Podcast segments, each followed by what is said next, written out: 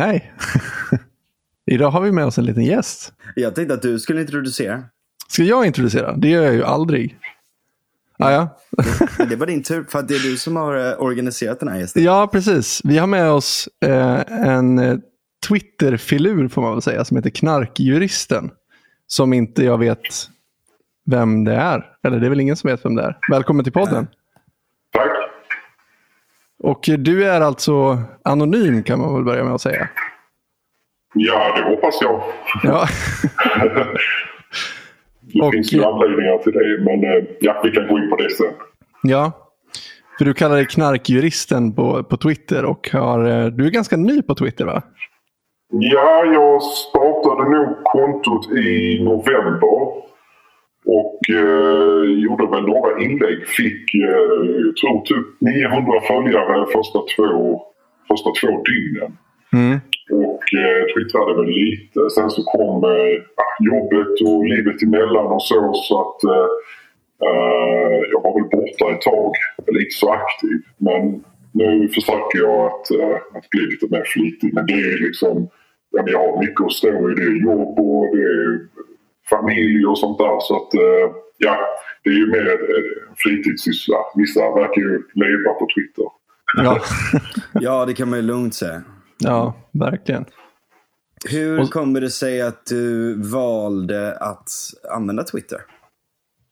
Nej, alltså det var väl mest att eh, jag hörde att eh, det är på Twitter som, vad ska man säga, eh, the cutting edge av all eh, politisk debatt nu för tiden pågår. Alltså medierna snappar ju typ upp de ämnen som de senare skriver om, ofta från Twitter har jag förstått. Sen så gällande narkotikafråga så eh, är det ju på Twitter där det debatteras flitigast. Och det finns många personer med stora plattformar, makthavare, politiker, um, journalister och så vidare som är på Twitter. Och därför så tänkte jag att vill jag påverka så gör jag det nog bäst där. Och att man kan då vara anonym.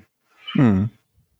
Ja, än så länge i alla fall. Får vi hoppas att det får vara det sen. Ja, vi får se. Men, men Elon är väl ganska för det här med det fria ordet och, och att man ska få vara anonym. Eller jag vet inte, men det är den uppfattningen jag har. Ja, jo men det tror jag ändå. Ja, det tror jag också. Det, det har jag inte hört någonting om att han skulle ändra något sånt. Men, men det går ju rykten ibland sådär. Och man, ska inte läsa, man ska inte tro på allting man läser på Twitter. Men, Nej, men mycket... Ja, men du, du är väl ett lysande exempel på varför det är viktigt också? Ja, precis. Att få vara anonym. Ja, precis. Ja, ja, Ja. Det, kan jag, det kan jag tycka. Ja. För som namnet avslöjar så är du ju jurist. ja, det stämmer. Och jag kan anta att det har med det att göra som du väljer att vara anonym också. Ja, alltså jag är ju en jurist som eh, tillhör kärnverksamheten på en, eh, på en tingsrätt någonstans i Sverige. Så somliga skulle kanske kalla mig för domare. Eh, och, eh, ja, och jag skulle ju vilja legalisera cannabis och i vart fall avkriminalisera all annan så kallad narkotika. Och det är ju åsikter som är Ja, det går lite stick i stäv med eh, gällande lagstiftning och är lite känslig fråga. Så att eh, eh, så jag vill gärna bespara mig eh, de svårigheter som kan uppstå på grund, Ja. av, på grund av den åsikten. Så det, det är därför. Så att, eh, och sen så är det väl, det är väl en gammal tanke med det att eh, domare ska inte hålla på med opinionsbildning. Utan vi ska bara tillämpa och döma efter det gällande rätt som finns. Ja. Men hur, hur kommer det sig att du Förutom gör... om man är Ann Ramberg. Ja, Ja, men hon är ju inte domare. Hon Nej, är nej, just det, eh, just det. advokat. Så de, advokater de, de har ju länge haft eh, ensamrätt kan man säga på, på att vara liksom, verksamma jurister inom, inom eh, straffrätten. Att, att de kan hålla på och opinionsbilda. Så nu har det ju blivit fler. Alltså främst åklagare har ju verkligen eh, kommit in i det offentliga samtalet och så. Då, Just det. Ja, och de får ju mycket kritik från, eh, från advokaterna då för de, de håller inte alltid med varandra. Eller sällan att de håller med varandra i den kriminalpolitiska debatten. Men, men eh, mycket kritik från advokathåll att eh, åklagare de är ju myndighetsutövare så att eh, då ska man inte ägna sig åt opinionsbildning. Tycker de. Det känns som att det blir lite skevt det där. Ja, Det, det, blir, som att det bara blir en sida får komma till tals. Ja, det, det kan man ju... Ja, det kan man väl säga. Sen så jag menar just i den kriminalpolitiska debatten så har det som sagt eh, bland jurister har det länge varit så att, att det främst varit advokaterna som, som eh, hållit på med det. Men ehm, vi kommer väl in på det sen när vi, när vi kommer till uh, myndigheter och så opinionsbildare i narkotikafrågan. För där har vi ju Ja. en myndighet som verkligen gillar att opinionsbilda åt ett visst håll. Men, Ja. men, Ja, det var det jag tänkte. Ju- Just av den eh, anledningen att du delar upp det så att advokater som oftare jobbar i privat sektor, de är mer fria att uttala sig offentligt. Medans, eller det är bilden i alla fall. Och sen åklagare och domare och så vidare. De är inte lika, de har man, har man en förväntning på sig att de ska vara neutrala och så vidare. Ja. Och det Ja. tror jag är svenskens bild generellt utav staten. Att staten är neutral. Eh, och det kan man väl diskutera, särskilt när det kommer till just den här frågan. Ja. Alltså jag, jag önskade ju i så fall alltså om, om varje person visste att jag menar, det, finns en, det finns en privatperson och så finns det ju också den professionella eh, aktören inom rättsväsendet. Så, så eh, då hade det inte här varit några svårigheter. Alltså jag gör inte mitt jobb annorlunda bara för att jag har de åsikter jag har. Det, eller det är i alla fall inte medvetet. Sen kan man ju diskutera alltså, ehm, vilka omedvetna föreställningar som kan, som kan eh, påverka till exempel inom rättsskipning och så. Men, Mm. eh, ja, men det finns det en hel eh, vetenskap det. Men det är någonting Ja. som vi liksom måste, man måste eh, ha lite självrannsakan. Ja, och det tänker jag att om man är domare så kommer väl det ganska naturligt att, att man försöker jobba med det och tänka på det, att man, att man har faktiskt ett väldigt stort ansvar. Men jag tänker också, jag menar, vi, vi har ju haft med Erik Petschler tidigare i podden och han är ju polis. Så att han, och han är ju också väldigt frispråkig i, i de här Men han tar frågorna. ju en väldigt stor risk med det där också. Ja, ja visst. Det, Ja, så han är är väldigt modig som, som det öppet. Mm. Mm. Men jag, jag känner till honom. Jag har Ja. kollat mycket på vad han har skrivit och, och så. Och eh, även läst eh, den här boken av Johan Wiklén. Mm. Mm, mycket bra bok. Det är lite Ja, kul det. ibland, ibland sådär så... jag sitter ju eh, runt Stureplan där och, så, och jobbar och ibland så går det förbi så här, tågar det förbi stora demonstrationer. På Ehm, typ. Ja, nej, men lite det ena och det andra. Och eh, då, då är det ju alltid så att Erik går längst fram. För att han är en sån dialogpolis. Ja, okej. Ibland ja. kommer det någon sån här, vad fan är det för jävla oväsen? Sitter man där uppe i sitt porslinstorn och tycker att det är liksom... Eh, och så ska man gå ner då, så, så är Petschler där. Ska man vinka, hallå hur är läget? Hallå Frans, jo det är bra. Men, men han är väl eh, dialogpolis då, så du- han jobbar väl mest med eh, de här eh, ja, när det ska anordnas demonstrationer och annat. Han är väl inte en sån ingripande polis. eh, längre, Precis, precis. Nej, ja, precis. precis. Så att, ja, det kanske är en viss skillnad där, jag, jag vet inte. Men, eh, Han är en dialogpolis, inte en pang-pang-polis. ja, precis. Så kan, man- så kan man säga. Pang, pang, polis. Ja. Ja, men, men det där är intressant. Jag kan verkligen, alltså, just det här med åklagare har jag noterat. Eh, just, just att det är så här. Det har varit väldigt, väldigt mycket snack eh, från, från olika håll. Och sen så, och så använder man någon form av appeal to authority. Att så här, jo men det är så här det ser ut och, och så här fungerar lagstiftningen idag och det finns en anledning till det. Så kommer en jävla massa åklagare och säger ja, jo men den, de, de anledningarna är ganska dåliga. Vi tycker nog att det hade varit bra om man gjorde så här istället. Ja, ja absolut. Eh, Jag alltså, tänker att så här, det kommer ju till en gräns där man pushar vissa till, och all, nästan alla åklagare, det är även han, vad heter han, Ride Fixer, eller vad heter han? mm, mm. ja, just det. Ja. Mm, på Twitter ja. Och sådär. Ja, precis. Han är ju rimlig också. Mm. Eh, alltså Ja. jag håller inte alltid med honom, men han är ju rimlig. liksom. Men han är åklagare, Eh, vad sa du? Ja, Han han också. är Eller- åklagare, ja. Eller han, eller Eh, Ja, Ja. eller- Ja, hen, ja. precis. Precis. Um, nej men, eh, det, det är ju liksom... Um, det finns ju ett litet gäng där som har börjat så, men som är uh, anonyma. Och, och, han har fått en del kritik för det, har jag sett. Sådär. Men det är ju rimligt ändå, med, alltså, med tanke på omständigheterna skulle jag säga. Alltså jag vill bara säga det. Jag, tror, jag tycker själv att eh, det är väl uh, right fixer som är nog mest, uh, mest rimliga. Alltså det finns flera andra åklagare som är ute med sina riktiga namn. Och de, de vevar ju lite hårdare än vad han gör. Alltså, du försvinner ja. lite från micken där. Vill, jag vet inte om du Förlåt. går iväg. Hör hör ni mig nu? Ja, nu hör vi dig. Vill du ta det igen? Ja, Nej, jag, förlåt, jag har den tendensen att jag kan börja gå när jag pratar. men, men, men det, det, jag ville säga var att just eh, gällande Rightfixer så tycker jag väl att eh, han är väl, även om han är anonym, så eh, håller han liksom ett, ett gott, eh, ska man säga en god eh, samtalston. Eh, så jag ser inte någon anledning till att till varför han ska åka på så mycket kritik han har. Däremot åklagarkollegor som är ute med sina riktiga namn och eh, de kan ju, de, ja, vad ska man säga, raljerar ju lite mer än vad han gör. Eller kan ha lite annat, lite annat eh, tonläge. Men just det, så Rightfix tycker jag är toppen. Mm. Ja, men jag håller med, verkligen. Det finns eh, några sådana på Twitter som är eh, roliga att följa. Eh, verkligen. Och du var en sån, du, och det var i november sa du, du dök upp på Twitter. Ja. ja. För jag kommer ihåg det, det var liksom som att du slog igenom över en natt som du sa. jag kommer ihåg ja, mycket väl när du dök upp.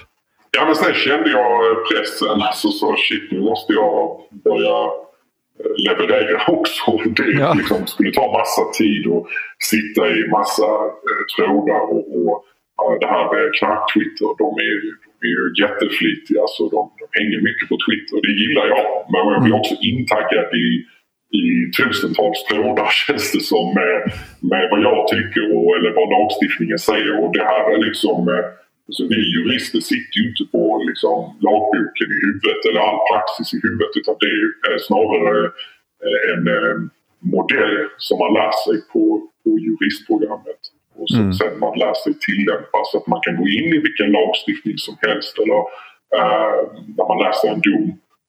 Och uh, där kan man snabbt förstå vad det är som, ja, men vad det är som händer och vad det är som gäller och, och så vidare, de olika rekvisiten. Alltså det, så det är mer en modell för att kunna tolka lag, inte att man lär sig lagen utantill. För det är ju, jag menar lagen förändras ju hela tiden.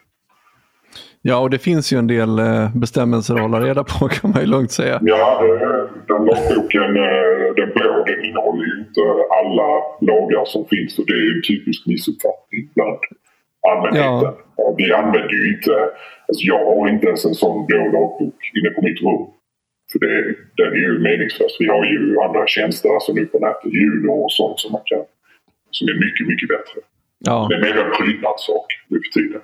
Alltså. Mm. Ja, den är väldigt snygg. Jag är lite ledsen att min sambo inte tycker att den är lika fin. Men jag tycker att den blå lagboken är väldigt snygg. Jag vill gärna mm. ha den som inredningsdetalj. Men den, ja. den göms ofta undan eh, under sängen eller sånt. Ja, alltså när jag var student så tänkte jag att eh, ja, men varje år så ska jag köpa den bara för att kunna bygga ett, ett helt eh, hel bokhylla med bara med, med varje år så att säga sen jag började plugga. Mm, jäklar vad ambitiöst. Nej, men alltså nej, det blev det inte av. Nej. Det, jag kände det bara, alltså det, eh, jag tror det kostar en tusenlapp eller 1500 kronor eller något sånt där. ja, det är mer alltså. De kostar mer. mer. Ja, i alla fall de som släpps. Alltså de, de, de sjunker väl i pris under årets gång, men så här ja, direkt liksom. det är också nu... sålt bäst före-datum på dem. Så. Ja, precis. Ja. Jag tror jag köpte min eh, i augusti liksom, innan jag började plugga. Mm. och då var den ju nedsänkt. Men, men den som kommer i januari, den är ju svindyr. Jag tror att det kostar en, jag vet inte exakt, men 3-4 tusen i alla fall tror jag. Ja, jag har för mig att, eh, att tingsrätterna de eh, säljer eller ger bort lagböcker till eh, juriststudenter. Alltså förra årets upplaga när, när, det, när det är nytt år. Så att då är det ofta juriststudenter som, som ja, man får vara ganska snabb. Men men de ges, jag tror de ges bort. De inte, ja. Det var mer än vad jag visste. Men, eh... ja, men du är juriststudent va? Ja, jag, jag pluggar juridik. Ja, okej. Vilken termin? Jag är inne på sjätte terminen nu. Ja, okej. Okay. Det är en bra bit. Ja, Ja. Så att jag känner, känner pressen nu att jag borde ha stenkoll på allting. Men som du märkte så eh, jag tog kontakt med dig för, ja, för någon vecka sedan och ville ha hjälp att reda ut för jag fattade inte bara vad som hade hänt. Men jag tänkte vi kunde komma in på den eh, domen lite senare för att den vill vi ju prata om. Men jag ville bara fråga dig, vad, hur kommer det sig att du är engagerad i just den här frågan? Ja, Vänta, innan, alltså, det, innan det så får jag bara ställa en fråga till. Ja, om okej. verktyg och sånt där. Alltså ChatGPT och liknande grejer. Kommer inte det bli världens grej för juridiken? Alltså det, jag, jag kan för lite om det för att kunna svara. Jag, alltså jag, precis, eh, jag, jag vet väldigt lite om, om AI och sånt. Alltså, jag läste, tror jag, att i USA så var det väl en, brott som skulle för första gången företräda en person i domstol. Alltså på en förhandling. Men jag vet inte, alltså jag kan inte minnas varför det inte blev av. Om det var så att den la av eller om det inte tilläts. Jag, vet faktiskt inte det. Jag är fel person att svara på det. Men, Ja, eh, men det jag kan säga är väl att eh, alltså, juridiken och rättsväsendet är ju ganska konservativt bransch. Och det, sen, beror det på, sen beror det på i vilket eh, rättsområde vi pratar om. Men det här att eh, så jag jobbar ju mest med, med straffrätt och, och tvistemål och ja, just straffrätten. Alltså det här med att en AI eller dator skulle, skulle döma eller inte. Det, alltså det är jättesvårt. Men, eh, men jag är fel person att svara på det helt enkelt. Så jag låter det, låter det vara. Ja. Men det kommer väl bli som i många branscher att det blir en kombination. Att man använder det som ett verktyg snarare än att den blir imperativ. Det tror jag. Alltså, det har jag förstått att vissa, alltså inom affärsjuridiken, och när det är väldigt mycket papper som man ska läsa igenom och, och det ska göras uh, rättsutredningar så, så har jag förstått att det kan vara ett väldigt bra eh, verktyg. Ja, men jag tänker det. Alltså, så- här, bara kunna skriva till eh, AI, liksom att så här, finns det någon, något avgörande i HD som avhandlar det här? Liksom? Ja. Alltså, på det sättet tror jag Ja. absolut att det kommer kunna bli ett väldigt bra verktyg. Sen, sen vet jag inte om vi kommer se AI som, som försvarare. Eller så. Nej, Det, nej men, det vet jag inte. Jag tror som sagt att det blir eh, nå- någonting sånt och sen eh, är det ju en människa i slutändan som får, eh, som får stå för liksom en sista quality check. mm, Precis. Ja, Men ska vi komma in på um, Ja, lite grann... eh, låt Ja, oss. alltså varför jag engagerade mig för detta och så. Alltså, vi kan väl ta det lite från början, eller? ja, absolut. Ja. Kör på. Alltså, jag växte väl upp eh, på en eh, liten ort i Sverige, södra Sverige kanske. Det, man, det är väl lite uppenbart. Men, men, Ja, eh, det har inte undgått någon. Nej, men det är en liten ort. Och eh, alltså, under tonåren och så, det var, jag var ganska anti-knark. Alkohol gick ju däremot bra. Ehm, och eh, jag testade cannabis för första gången i Prag ehm, på studentresa. Och eh, ja, det var en engångsgrej liksom. Så som politiker säger att de rökte någon gång Ja, för, för utomlands. 30 år sedan. Ja. Och sen, blev det, sen blev det ingenting eh, mer med det. Um, tills eh, jag började på juristprogrammet uh, något år senare. Och eh, träffade ett par personer som, som ibland rökte på. Och eh, ja, alltså det förekom ju även bland jurister eh, och juriststudenter men, men det gick liksom vattentäta skott mellan den lilla skaran av oss som rökte och de som inte gjorde det. Eh, De söp väl mest på olika korridorsfester och liknande. Men ingen som inte var invigd så att säga fick, fick veta något. Uh, eftersom det var ju mycket rykten och skitsnack eh, på programmet och alla vi skulle ut i samma bransch sen. Man vill ju inte bli oanställningsbar. Men det hände redan under juristprogrammet att jag liksom då och då använde cannabis efter tentor och sånt. Eh, annars mest utomlands. Men allt detta är ju preskriberat nu så... men, men fast alltså, inte ens då reflekterade jag särskilt mycket över att det var eh, straffbart att, att bruka narkotika. Eh, jag hade väl eh, vad jag skulle kalla för ett eh, oproblematiskt bruk. Eh, vi, jag och liksom min närmsta krets var rätt försiktiga och så liksom aldrig, aldrig påverkad inne på klubbar eller så utan alltid, alltid liksom avskilt. Men eh, där jag började väl tänka lite på det här med hur rimligt det är att, att det är straffbart med eh, eh, att bruka narkotika var väl en sommar när jag vände hem till min hemort. Och eh, då, då återknöt jag kontakten med en del gamla vänner från skoltiden som fortfarande bodde kvar. Alltså det här var vänner från kanske grundskolan. Och då var jag någonstans mellan 20 och 25. Och eh, ja, en del av dessa hade ju använt eh, främst cannabis eh, i olika omfattning. Men ingen var ju sån tung missbrukare. De är väldigt roliga människor. Det är därför jag fortfarande har haft lite kontakt med dem. Men eh somliga av de här hade ju alltså då torskat. Eh, mm. Antingen ganska nyligen eller när de var kanske 18-19 år gamla. Och det satte ju verkligen käppar i hjulet för dem. Alltså de hade, hade svårt att få jobb och sökte man på deras namn i Nextbase eller Mr Call, de här tjänsterna som finns nu för tiden eh, så kunde man ju ta reda på detta hur lätt som helst. Det kom ju upp en sån varningstriangel eh, över deras eh, namn. Och de hade ju till och med svårt att dejta på grund av detta. Många mådde ju mm. riktigt, riktigt dåligt på grund av det. Alltså, tjejer gick typ upp och sökte innan de liksom träffades.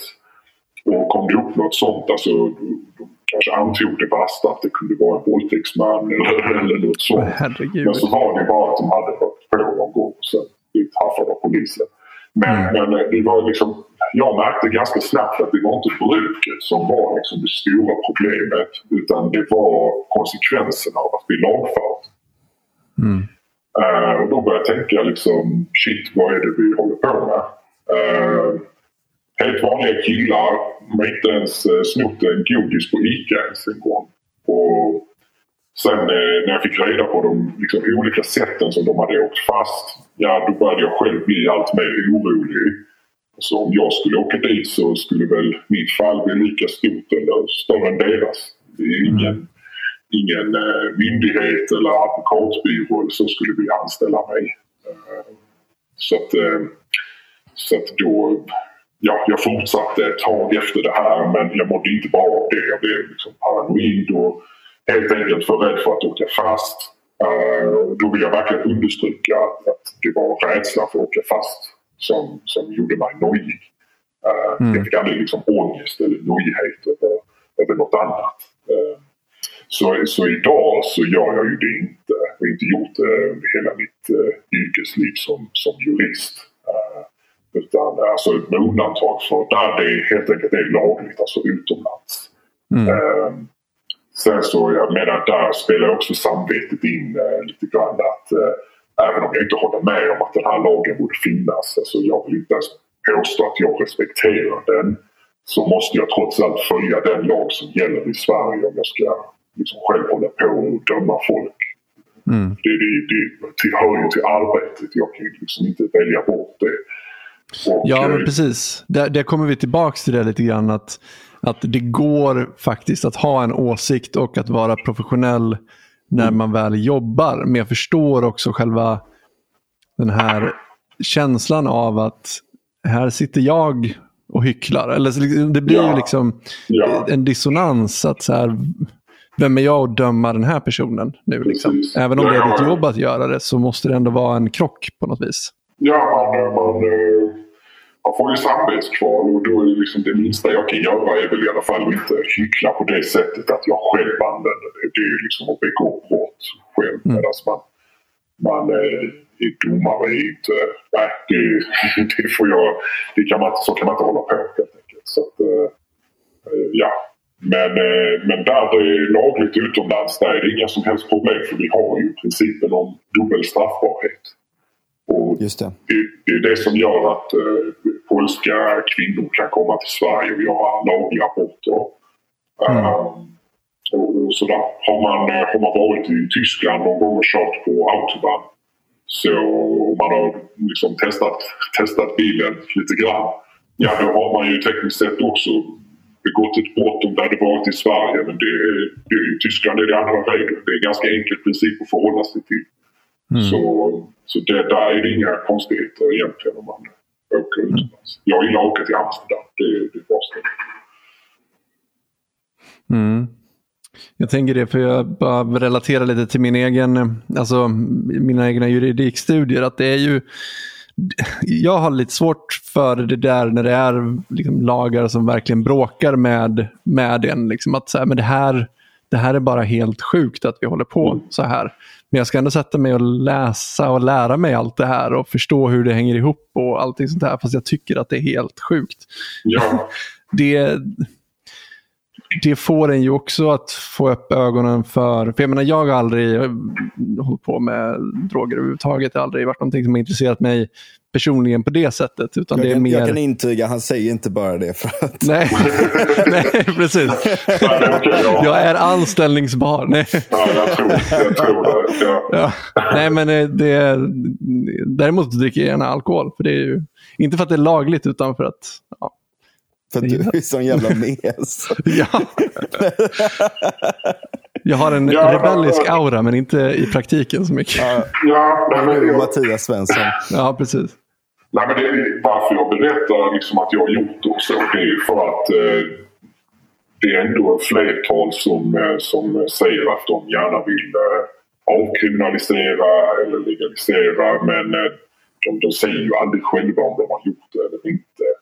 Eh, förutom Sara Skyttedal då. Mm, Och- just och det. det gick ut med det.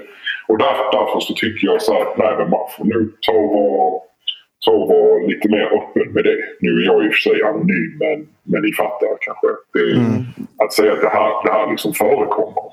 Det gör det på, på fester och liksom lite överallt. Vi har liksom en jättestor eh, narkotikamarknad här i Sverige. Det slutar liksom, det slutar ju aldrig.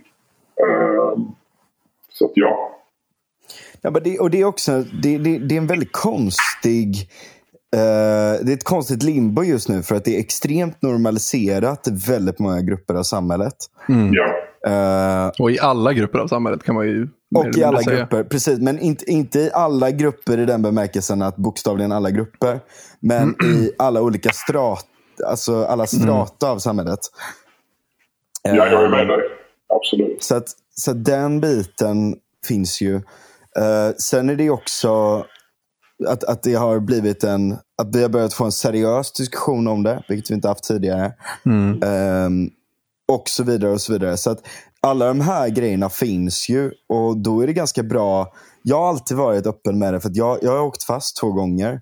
Så att för mig så är det redan, jag är redan stämplad på, på något sätt. Sådär. Och jag har skrivit om det så länge och, och varit öppen om det. Så att jag, ja, det, det, det är väl bara att acceptera att man alltid kommer att bli associerad med det på ett sätt eller annat. Men jag har inga problem med det heller. För att jag ehm, tycker inte... Alltså jag, jag, jag, jag likställer inte lag med moral eller med dygd. Nej, det ska man inte heller. Det Nej. ska man absolut inte. Det är en jättestor skillnad. Ehm, så jag vill bara säga det också att, ehm, sen, eh, att, att det är straffbart eh, med, med eget bruk av narkotika. Så det är ju dels det som är ett problem. Men ett annat problem är också hur samhället ser på det. Alltså, det eget bruk, det är ju ett dagsbotsbrott. Det är ju... ehm, Alltså du kan få lägre böter för eh, eget bruk av narkotika än för fortsatt.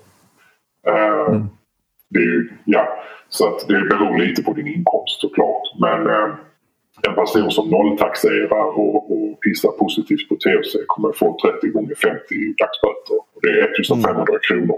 Du kan få nästan dubbelt så mycket om du kör lite för fort. Men det är liksom, jag har aldrig hört talas om någon som inte har blivit anställd för att eh, den personen har kört för fort. Men Att riskera där- andras liv. Precis. Ja, Eh, exakt. Samtidigt som en eh, prick i registret för ringa narkotikabrott eh, plötsligt liksom, det är jättemånga arbetsgivare som, som säger direkt nej till det. Så det. Jag menar, ja, det är, att det är ett brott just nu, det är ett problem. Men ofta är det inte ens böterna som är det stora problemet. Det är konsekvenserna av att bli dömd. Men när det kommer till eh, att man har med jobb och, och annat sen i framtiden, det är det som är det stora straffet. Eh, kan man säga. Och eh, där måste liksom samhället också börja eh, se på det på ett annat sätt. För det, ja, om Ja. du förstår vad jag menar. Ja, verkligen. verkligen. Det, är ju, verkligen, det, är ju verkligen. det, är, det är ju sällan lagen som kommer först, så att säga. Utan det är ju oftast folks uppfattningar som kommer först och sen Ja. kommer lagen kring det. Men jag tror nog snarare att det är väldigt mycket så att Eh, för som ni säger, det, det är ju extremt normaliserat. Alltså jag känner så, alltså det, det är ju snarare så att jag kan räkna upp vänner som, som inte brukar narkotika på något sätt liksom, Mm. på, på en hand. Ehm, men däremot så tycker jag, eller jag tänker att det kanske finns ett enormt hyckleri eh, i samhället. Att man tror att man måste spela med i den här teatern trots att alla Visst. Eh, vet om att det är normalt och att det inte är något konstigt. Men om du är en arbetsgivare så måste du spela med på något vis. Jag menar, jag har en kompis som, som eh, inte fick ett jobb på grund av precis det här.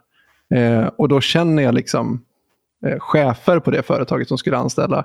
Och jag vet vilka de är eh, när de går hem från jobbet så att säga. Eh, så det, det- känns som att det finns ett hyckleri. Och när det kommer kring, till svensken så är det som att så fort någon börjar prata öppet om det så, Ja. så smittar det av sig och folk tar av sig den här eh, teatermasken och bara ja, ja, det är klart. Rätt vad det är liksom. Ja, verkligen, verkligen. Precis. Ja, ja men precis. Håller Hur, hur, ser du, hur ser du på skillnaden mellan eh, legalisering och eh, avkriminalisering? Då?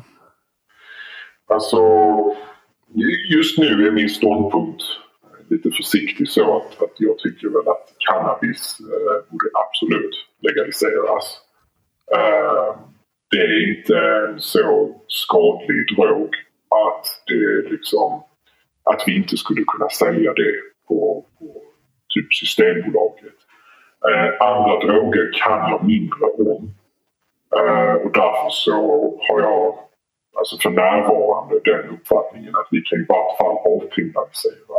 Alltså, jag vet ju att det är ofta ett argument som, som eh, kommer upp. Eh, det här med att om vi legaliserar så, så tar vi bort den svarta marknaden. Eh, alltså den, den olagliga marknaden från de kriminella.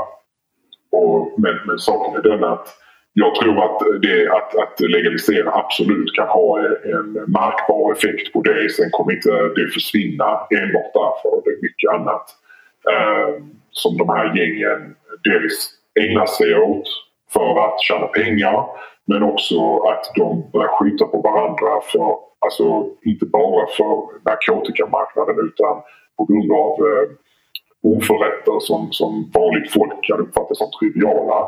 Men det jag vill säga egentligen det är att min bevekelsegrund för varför jag vill eh, varför jag vill att det ska vara lagligt att knarka så att säga. Det handlar mer om skademinimering för miss, den enskilde missbrukaren eller brukaren för den delen. Eh, och en slags ja, frihetlig tanke om att eh, jag får göra vad jag vill med min kropp. Alltså de argumenten för mig kommer först innan det här liksom om, om vi skulle försvaga gängen eh, med 20 procent eller 50 procent om man nu kan sätta procent på det. Men som ni förstår, alltså det är bara, för mig så är det en, en, eh, liksom ett argument i tredje, fjärde hand egentligen. Eh, så att där är jag liksom, ja alltså jag vet inte om det är så vettigt att kanske sälja heroin på systemet. Men eh, i vart fall så vill jag inte att heroinmissbrukare ska straffas för att de är missbrukare. Det är väl där liksom. Men sen jag är öppen för att ändra uppfattning. Jag kan inte tillräckligt mycket om annat. Så det är därför, ja. Ja, men det är mer en, en principiell argumentation snarare än en kanske politisk, pragmatisk sådan.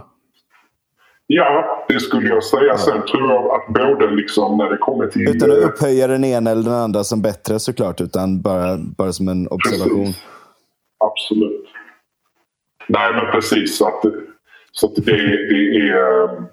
Det är ju liksom, jag tror som sagt det, det finns ett jättestarkt case för detta både om man kollar eh, principiellt men också i praktiken. Vi kan ju gå in på det sen liksom eh, hur mycket resurser som går åt att lagföra folk för eget bruk.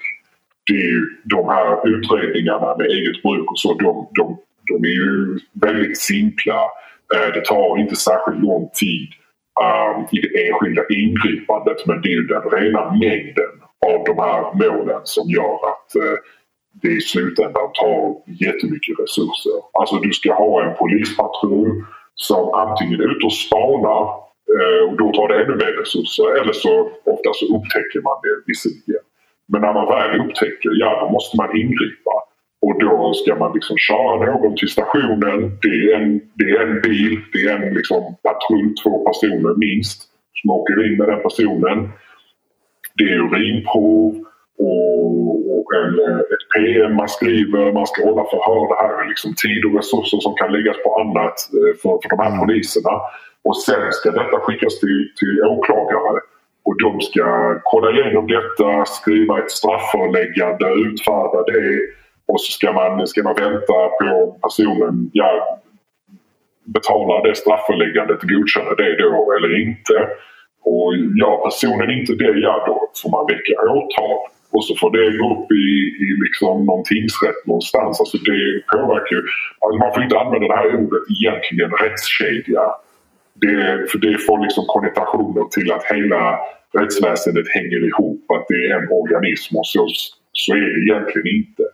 Utan det det ska vara, tanken är att det ska vara fristående myndigheter och så vidare. Men, eh, men om vi får använda det lite slarvigt så det, är ju, det kommer ju upp hela vägen i rättskedjan. Från polisen till åklagare till uh, domstolarna så är det liksom det är tid och det är resurser. Det mm. trillar in sådana här mål hela tiden. Och ja, det stämmer. Det tar, det tar tio minuter att skriva en sån dom. Men ändå så, så tar det ju tid på liksom, ja, andra mål och annat man kan göra. Nu pratar jag utifrån att jag sitter på tingsrätt. Men jag vill ju kunna göra annat än att skriva de här liksom, eget brukdomarna. Mm. Mm. Ja, andra ja, medarbetare. Ofta sätter man ju notarier på dem. Och de är ju mm. de, de junioraste så de får sitta och skriva dem. Eller döma i de målen dessutom. Ja. Ja, det är så meningslöst. Ja, verkligen. Jag tänker liksom, finns, finns det incitament nu, låt, nu kommer jag låta lite konspiratorisk här, men det kanske finns incitament åtminstone kanske inom polisen att, för de har ju ändå en press på sig att de ska klara upp brott så att säga. Ja. Och, och det här är ju brott som är ganska enkla att klara upp. Um, ja. Och det förbättrar väl kanske statistiken för dem. Om, om det finns sådana här icke-brott så att säga. Ja. att hålla på att ägna sig åt. Istället för att då kanske... Ja, det, ja jag förstår vad, vad liksom du är inne på där. Ja, jag vet inte faktiskt. Jag vet inte om jag kan svara på det. Jag har ju sett, minns jag inte siffrorna i huvudet, men att, men att av de här, av antalet uppklarade brott så, så av den andelen så är det också alltså, jättemånga som är den här liksom, ringa, ringa narkotikabrott. Alltså det bumpar upp liksom, så, eh, uppklaringsstatistiken väldigt mycket. Så, mm. så det är liksom... Ja, men, nu vet jag inte exakt vad den siffran ligger på men om man säger att ja, polisen klarar upp eh, fem av tio anmälningar så, så eh, ja, då har man inte hela bilden. Alltså, då är det grövre brott, brott mot person som man inte lyckas klara upp samtidigt som det finns de här ringa narkotikabrotten som, som liksom tar upp den statistiken jättemycket. Eh, mm. både för att de är enkla och för att de är många. Men eh, ja, alltså jag vet, alltså jag vet egentligen inte om det är därför eller om det är någonting som liksom poliserna, de, de har jag förstått, liksom tutas i det här väldigt hårt. Eh, eh, det här med, med, alltså det har blivit normaliserat på ett sätt att narkotika är ju olagligt och ska, ska bestraffas. Alltså den uppfattningen finns hos liksom fortfarande en väldigt stor del av befolkningen, även om jag tror det är en generationsfråga. Men mm. eh, eh bland poliser så ja, vi har ju sett, vi ser på Twitter och sådär att det, de, de tror på det ganska hårt. Det finns ju liksom en hel förening enbart för dem. Så att, eh, eh, ja, det är, det är svårt att svara på men, men eh, det är lite så de, att, att uh, min generella uppfattning är jag umgås inte liksom massor med poliser och så. Men den, liksom, den erfarenhet jag har av de gånger jag pratat med poliser så då, är ganska liksom, det, det är status quo som gäller. Det, mm. det, det ska vara olagligt. Eh, ja. Ja, det är märkligt alltså. För jag, jag, jag upplever det precis på samma sätt som, som du. Och sen såklart, jag har inte jättemånga vänner som är poliser just, men, men att, att döma av eh, liksom, ja, det man ser på Twitter till exempel, då är det ju väldigt många av dem som är ganska hårda i retoriken åt andra hållet så att säga, är ofta poliser, eh, Ja. har man ju noterat. Men Jag tror att det är för att det är många poliser som dels har de behöver övertyga sig själva om det de, att det de gör är rätt för att stå ut med hur intensivt och, och farligt jobbet är. Så kan det tror vara. det, det är ju rimligt i viss mån. Och sen så är det ju dessutom då att de får se de allra värsta fallen ganska ofta också. ja. Ja, absolut. också, Och- jag kan också tänka mig att det finns att, att det här kan bli den sista ursäkten att faktiskt få ta in någon så att säga som, som de vet kanske egentligen är insyltad i annat eller är en eh, ganska Ja. destruktiv person i samhället. Mm. Så kan Ja, de så. åtminstone ta honom på det. Liksom. Ja, den, eh, där har man ju hört. Alltså att eh, misstanke om eh, alltså narkotikapåverkan, eget bruk, det låser ju upp tvångsmedel som man kan använda för att göra husrannsakan och, och, och annat. Men det, är- alltså, det är ett argument som jag inte riktigt... Alltså det är inte det syftet med lagen är. Vi ska inte, vi ska inte göra saker straffbara, gärningar straffbara enbart för att då låsa upp så att säga andra tvångsmedel så vi kan upptäcka annan brottslighet. Då får man, börja, då får man fokusera på hur ser vi till att vi upptäcker den här brottsligheten vi egentligen vill åt direkt. Ehm, nu är det ju på G det här med eh, ja, alltså visitationszoner och annat. Och då ska det väl inte egentligen behövas något, ringa narkotikabrott, någon skälig misstanke om det för att kunna för att faktiskt kunna Precis. göra visitationer och så, vem som helst egentligen. Sen det är en annan diskussion om det kommer hjälpa och om det är en bra idé. Men, eh, men liksom nu när det här ändå liksom ska utredas och så då får vi väl se om, om eh, poliserna, då kan de inte köra det argumentet, alltså de poliser som är för detta. Att Ja, det är ju väldigt sant. Det har jag inte ens tänkt på. Men det är en väldigt bra poäng faktiskt. Sen kan jag tycka att visitationszoner i sig är ett ganska problematiskt eh, tillvägagångssätt om man ska Ja. komma åt Ja, brottslighet. alltså, min, eh, min invändning där är att eh, dels så har poliser redan ganska, eh, ganska, vad ska man säga, de har väldigt lätt för att, eh, för att få visitera de, de som de vill. Jag menar det här med att, eh, eh, att, man, att man misstänker brott. Det, det är inte så svårt att, att, att liksom, nu, om man ska uttrycka sig på det sättet, men nästan hitta på en sån anledning det finns ju ett fåtal fall där poliser har fått kritik från JO för att man har gjort liksom, en, en visitation eller så utan skälig misstanke. Eller liksom, utan den, utan att Mm. man egentligen haft anledning att anta att, att brott har begåtts. Men eh, generellt så har de ju ganska lätt för att göra det. Och jag tänker också de flesta, alltså många poliser är emot det här med visitationszoner för de säger att ja, men vill vi visitera någon så, så kan vi göra det. Vi vet ju vilka de här personerna är.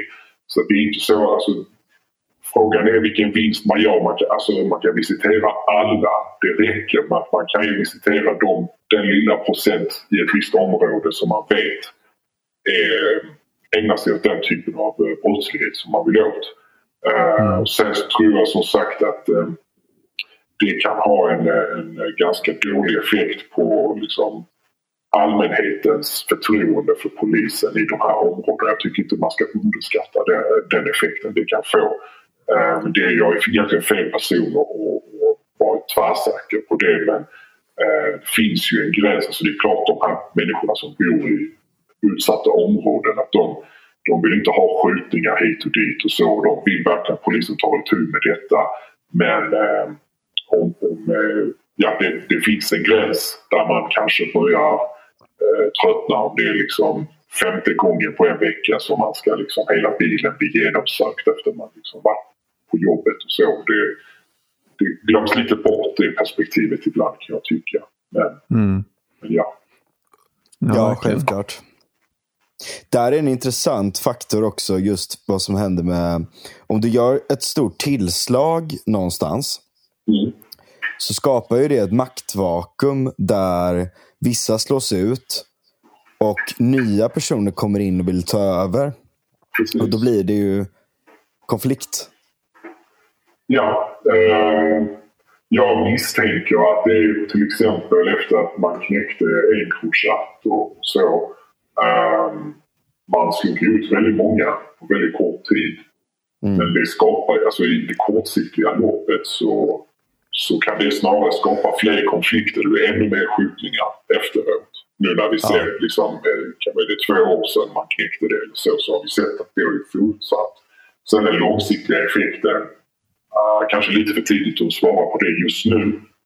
Men uh, ja, uppenbarligen så, så uppstår ju det här. Alltså de, det behöver ju, alltså det som avgör om de här personerna skjuter på varandra, man väljer att skjuta på varandra eller inte. Det hänger ju också mycket ihop med hur organiserade de här nätverken verkligen är. Och de är inte, de här förortsgängen är inte liksom som man ser på Gudfadern att det finns en, en boss som liksom ger order om att ja nu knäpper vi honom. Det så funkar inte längre utan det är mer, det är mer att varje individ, det här är liksom gamla kompisgäng ofta eh, som har vuxit upp tillsammans i det området och de, eh, där är det mer liksom eh, individen har eh, liksom större befogenhet att, att få göra som den vill. Eh, och då är tröskeln liksom att, att begå våldsamma handlingar lägre för du behöver inte fråga någon innan, du behöver inte tänka Ja, efter. Har du en oförrätt, eh, har, du, har du en konflikt med någon så är du fri att göra i princip vad som helst då. Så det, Annars är det Ja. liksom extremen i det fallet, jag vet inte om det, om det är så fortfarande. Men den bilden jag har är väl att eh, du vet, Yakuzan i Japan, att de, är väl så organiserade att de knappt har några sådana skjutningar och så mellan varandra. Det har hänt, liksom, hände väl någon gång. Men det är ändå så pass sällan för de, de har liksom en sån hierarki och organisation att det liksom inte riktigt är nödvändigt. Och jag menar alltså skjutningar är ganska, misstänker jag, ganska bad for business efter ett tag. Det är det som liksom uppmärksammas i media. Eh, det blir liksom, polisen kommer vara där på ett helt annat sätt. Eh, mycket mycket Ja. större närvaro. Och, och det kommer sen ny lagstiftning så att om de är, vet jag inte, de är inte så smarta men, men om de hade varit det så, så hade man nog undvikit att ha den typen av, eh, av konflikter att man, man bara skjuter på varandra. För att eh, för de skjutningarna är bara toppen av isberget. Det är egentligen mycket annan brottslighet under till som man inte, man inte ser och som media ofta inte skriver om. Det är de här personerna som har små egen, egna företag i centrum som liksom tvingas betala beskyddarpengar för, för liksom, Mm. egentligen för att deras butik inte ska bli liksom, saker inte ska förstöras eller att eller det är de här som han rapparen som eh, Bara går in. bara går in och tar saker. Alltså det, det där är ju, det påverkar ju minst lika mycket fast på ett annat sätt. Men det är skjutningarna som liksom verkligen väcker uppmärksamhet.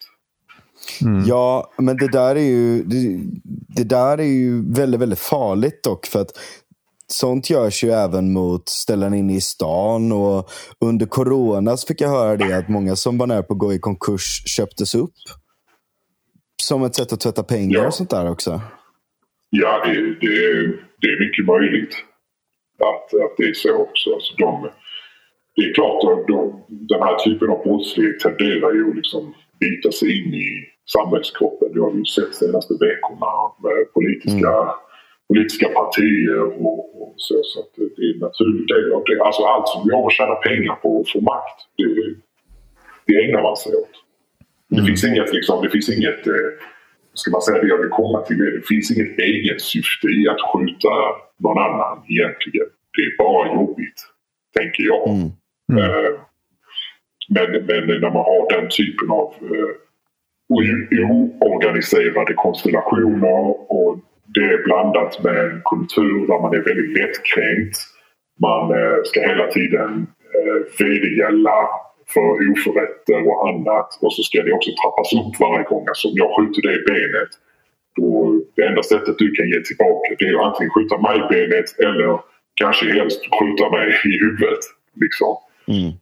Det, det är liksom en cocktail av allt det där som gör att, att det ser ut som det gör idag. Ja, precis. Också lite den här psykologin, tänker jag. Alltså, okej, säg, säg du, du är andra generations invandrare. Du, du går på en förskola slash dagis, vad man nu vill kalla det, där det är 30 olika språk och där eh, den som vad heter det, eller vad heter det, dagisfröken där knappt kan prata svenska heller. Eh, Ja. du, ehm, eh, så att du får, under hela ditt språkfönster, så missar du en väsentlig del av att lära dig att prata ett komplicerat språk helt enkelt. Du kommer in Ja. i skolan och uppenbarligen kan du såklart inte följa med. För att, eh, eller hänga med i vad som händer för att du har inte tillräckligt avancerat ordförråd.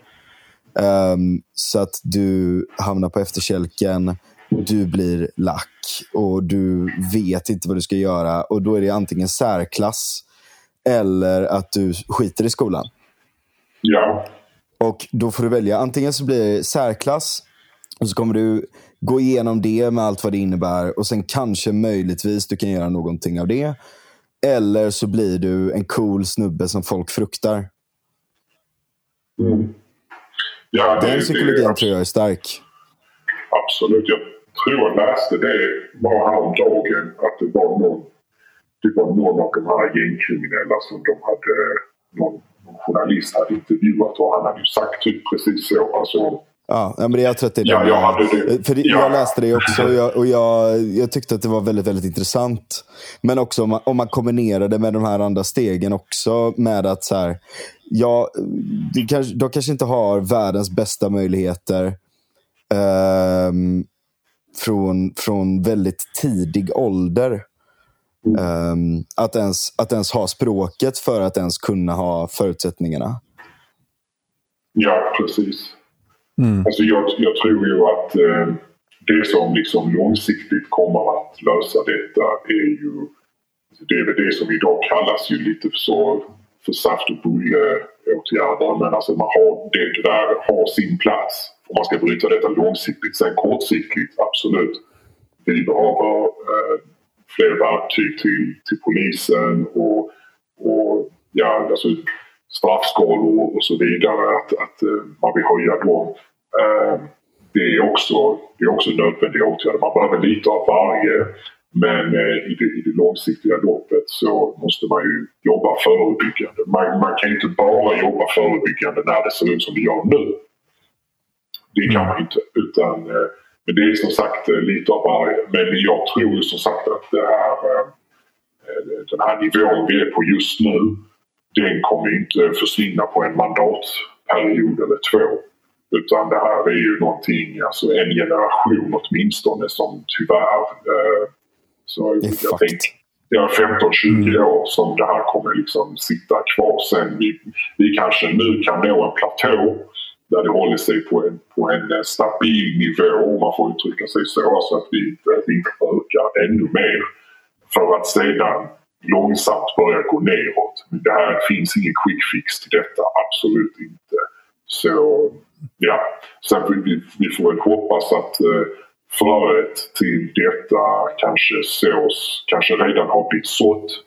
Eh, eller att det sås under den här mandatperioden. Eh, men eh, jag tror också som sagt rent politiskt och, och sådär. När det här väl börjar gå ner, om det gör det, vi får hoppas, men om, när det väl gör det så tror jag som sagt det är inte en sida av det, av eh, det politiska spektrat som kommer kunna säga att det var vi som löste detta. Jag tror liksom Nej. det kommer hinna, det kommer hinna bytas ut re, regeringar ehm, flera gånger, minst en eller två gånger under, under den här tiden tills det börjar gå ner. Och det är väl, det är väl bra på ett sätt att, att båda sidor eh, då pratar jag egentligen om den andra sidan för det väl bara Socialdemokraterna främst som ändå har börjat, eh, börjat ta upp det här allt mer. Det finns andra partier där det här inte är liksom prioriterat på samma sätt. Eh, att man lever kvar i en annan värld, en annan tid. Men eh, jag tror ändå det är båda sidor som hjälps åt. Alltså de, de här, typ, det här förslaget, den här propositionen som vi nu ska prata om. Den kommer ju röstas igenom för det är bred uppslutning bakom den. Eh, så att det, ja, det kommer säkerligen vara sossar och annat som kommer rösta för denna ändå. Den har så pass bred uppslutning. Så det, ja. Mm. Ja, och jag tänker alltså, apropå det, det, det Frans sa om, om det här utanförskapet som byggs upp under lång tid. Eh, Lägg där till det vi var inne på ännu tidigare, just att du åker dit för ringa. ja.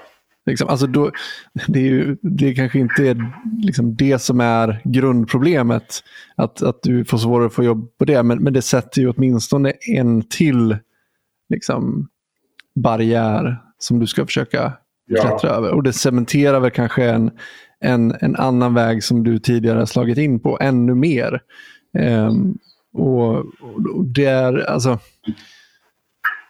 Även Ja. om det, det är givetvis så eh, att, att jag menar, en legalisering av cannabis, det är ingen quick fix och det är väl ingen som tror det på, på gängkriminaliteten. Men det hjälper ju inte till heller att, eh, ehm, att ha det som vi har det nu. Eh, det, Ja. på, på många plan, så att säga. Nej, nej alltså precis. Och, och, alltså, blir, man, blir man stämplad som...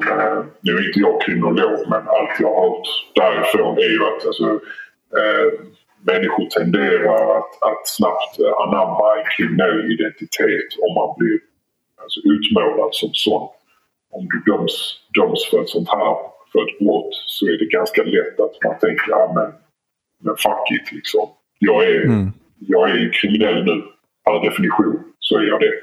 Så att eh, ja, då, jag kommer inte liksom kunna få ett jobb eller vad det nu kan vara. Allt. Jag kan lika gärna strunta i det. Alltså det man är ju ganska ung när detta händer oftast och då tänker man också väldigt kortsiktigt. Men eh, absolut, det cementerar ju utanförskapet på, liksom, eh, på ett helt... Alltså, det cementerar utanförskapet ännu mer. Om du tänker att du är en ung grabb i, i förorten och eh, eh, du röker cannabis med dina kompisar lite då och då. Ni har otur och eh, en polispatrull plockar in er. Du är tidigare ostraffad. Eh, och du är liksom ja, men 16, 17 år eller kanske ännu yngre. Du är liksom i alla fall straffmyndig. Eh, så får du, ja men då, och du döms för det. Ja då, då cementeras ditt utanförskap ännu mer. För innan var du bara liksom en, eh, en andra generations invandrare i ett utsatt område som pratar bruten svenska eller vad det nu kan vara. Det är redan tufft som det är. Och sen så kommer detta på köpet. Du hade egentligen inte gjort någonting mer än att röka lite cannabis. Liksom. Men sen efter det så, ja men kan jag få det där jobbet på ICA då? Alla säger ju där att ja men de här gängkriminella de vill inte jobba på ICA och så vidare. De tjänar ju mycket mer pengar på en dag och sälja narkotika. Men om du inte ens kan få det jobbet på ICA, ja men vad finns det, vad finns det då att göra? Mm. Men, eh, Ja, men precis. ja. Det är också en ganska förnedrande sak. Eh, jag vet inte om de gör det längre, men när jag var 16 så, så drogs jag in.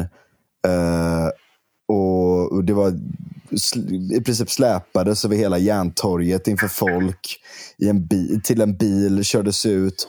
Eh, blev inslängd i flera timmar och sen tvingad att klä av mig. Eller just det, först när jag kom in så här. Tvingad att klä av mig naken och, och, och visa att jag inte hade kört upp någonting i röven. Och allt sånt där. 16 år gammal. Det, det är väldigt, väldigt förnedrande. Ja. Och för min del så, väx, så, så väcktes ju ett, en, en enorm antipati eh, mot, mot polisen efter det. Ja, men det är ju... Alltså, så här, jag kunde ju komma över det såklart och, och tänka att så här, inte alla snutar såklart eller och så vidare. och så vidare. Jag känner ju folk som har jobbat med det och jag har väldigt, väldigt stor respekt för poliser. Men, Ja. men det sitter kvar lite mot dem som, som gör det där. Att, För fan vad ni utsatte mig för. Ja, Vad- och det, det gör man fortfarande. Alltså precis det du beskriver. Alltså det är väl det typiska ingripandet. eh, Det att eh, personen, alltså ett, ja, ett ingripande kan ju se ut på olika sätt men men beroende på man liksom var det är och hur mycket folk det är och vilket sinnestillstånd man är i. Så ja, det är ett sånt ingripande kan ju vara man blir släpad till polisbilen, man får åka med. Och sen så sen är man väl i arresten och så ska man, ska man då kissa i en kopp. Och vägrar man att göra det så blir det ju blodprov. Uh, för att man får, alltså, man har ju, man kan ju, man kan inte tvingas till urinprov. Men uh, blodprov blir man ju, kan man ju fysiskt tvingas till. Det är det som är kroppsbesiktning. Man besiktar kroppen. Så att, Ja. och, det får man göra då för, för eget bruk. Så om du vägrar att kissa så är det ju blodprov som gäller till sist. Och sådär. Och sen kan jag nämna det här, det här kanske lite sidospår men jag känner ändå att det här kan vara lite intressant. Det är ju det här att alltså, när det kommer till drograttfylla och det är något helt annat för då utsätter du människor för risk. Eh, men eh, där är det ju bara blodprov för det är ju det man går på. Eh, Alltså då, då tar man blodprovet direkt eh, eftersom det är blodprov som ska mäta om du har kört eh, rattfull eller inte. Det är inte på urinet. Men ofta så gör man både och. liksom man tar blodprovet först och sen så tar man även ett urinprov för att när det kommer till THC i vart fall så stannar det i, i blodet eh, betydligt kortare tid eh, än det gör i urinet. Så även om, även om det nu skulle vara negativt på blodprov så kan man väl när man ändå är i farten lika gärna testa urin, urinet också. Så om det inte blir en drograttfylla så blir det väl ett eget bruk. Om man nu hamnar inom det tidsfönstret. Att, att eh, det fortfarande syns i, i urinet. Eh, Mm. Ja, och det, det är väl det är något annat jag vill nämna lite knasigt med den här lagstiftningen. Men det är ju att eh, polisen idag får göra slumpmässiga eh, alkotester i trafiken. Det, det får man göra. Så om man kör rattfull och blir invinkad så, så är det ju liksom, ja då får man blåsa och då är man ju torsk så att säga. Eh, Däremot eh, för eh, drograttfylleri eftersom det redan är straffbart att bruka narkotika så krävs det ju liksom en misstanke om att du har brukat narkotika för att kunna göra den typen av test. Eh, Vilket gör att det redan alltså det blir, det kan man säga, lättare att köra narkotikapåverkad. För även om du blir stannad så kan det vara så att, man, att det inte uppfattas att man är påverkad. Och då kan man få köra vidare och de kan inte göra något. Jämfört med om du druckit och kör, för blir du invickad då så är det ju kört. Pun intended. men men eh, jag tror i alla fall att i, i Holland så har man ju salivtest. Alltså eh, slumpmässiga salivtest. Och där får ju polisen, när de vinkar in folk i trafikkontrollen, de testar ju allt. Eh, alkohol och narkotika. Eh, men eh, här så krävs det ju då att polisen har ingen, har ingen maskin som, eh, som kan liksom mäta det. De får, inte, de får inte använda det. Så att då är det ju alkohol. Och annars så måste de ju säga att liksom, ja, du ser lite påverkad ut. Då kanske man får åka in. Så det finns ju ett jättemörkertal när det kommer till drograttfylleri på grund av detta. Just det. Och det sa du, det hade att göra med att för att du ska få ta blodprov så måste du ha en misstanke om brott. Det är ja, det alltså, men det, är... det, är redan, det är redan ett brott att bruka. Mm. Så, så redan där då så krävs det ju den misstanken. Men för alkohol, alltså, du får ju använda alkohol. Men du får inte Mm. köra med alkohol liksom, i blodet. Så, så av en liksom lagteknisk, eh, på grund av hur den lagtekniska lösningen ser ut i alla fall just nu så, så är det ju som sagt eh, en, en jättedålig konsekvens att det är lättare att köra drogpåverkad och komma undan med det än Mm. att köra rattfull eh, på, på alkohol. Då Det där är ju sagt- väldigt intressant. Jag har aldrig tänkt på det. Ja, och det jag menar så att, att det är som sagt ett drograttfylla en helt annan grej. Men, eh, Mm. men eh, jämfört med eget bruk, att det här att man, är, man utsätter andra för fara och så. Men det är ju hur enkelt som helst att tänka så när det kommer till alkohol. Så det, det är helt okontroversiellt. Men, men ja, så ser det ut just nu. Ja, det är ju väldigt intressant att det är så. Jag har aldrig tänkt på det, men det är, alltså, det är så bisarrt. För, för när man tänker, när man hör Frans historia, vad han har råkat ut för och, och när du berättar att det här är väl mer regel än undantag att det är så det går till så att säga. Eh, eller jag vet inte om du uttryckte det så. Men, men... Ja, det är alltid så. Alltså, det är så ja. det går till. Man, det man får åka in och så får man pissa och om man inte gör det så är det blodprov och då kan man hållas fast. Ja, och, det, och det, det känns så bisarrt när man hör en sån historia att, att polisen har den makten att liksom utsätta dig för det för ett brott som, som inte har något offer överhuvudtaget. För att jag menar, har du valt att röka cannabis, då har du ju, alltså, det är sån dissonans i huvudet att tänka på. Alltså så här, vad är problemet liksom, egentligen? Vad är problemet? Ja. Medan då, precis som du säger, om du, om du sätter dig bakom ratten påverkad av någonting, det är klart att det är ju farligt på riktigt för att då kan du verkligen skada andra människor som inte alls har valt att ja. befinna sig i den situationen. Och då ska mm. det alltså vara svårare att att komma åt just den biten då på grund av det här. Det är ju... Ja, alltså det var något eh, för, för några år sedan så var det väl något pilotprojekt eller någonting att polisen skulle kanske börja med, med att ha någon manik som kan, eh, som kan testa även för andra droger. Men det har ju inte blivit av. Alltså lagstiftningen tillåter inte det just nu. Så Nej. det är därför de kommer med en dräger men eh, om du ska, liksom, ska de se om du är påverkad av någonting, ja då måste de ju fatta den misstanken först och sen får de köra in dig och köra, köra blodprovet. Mm.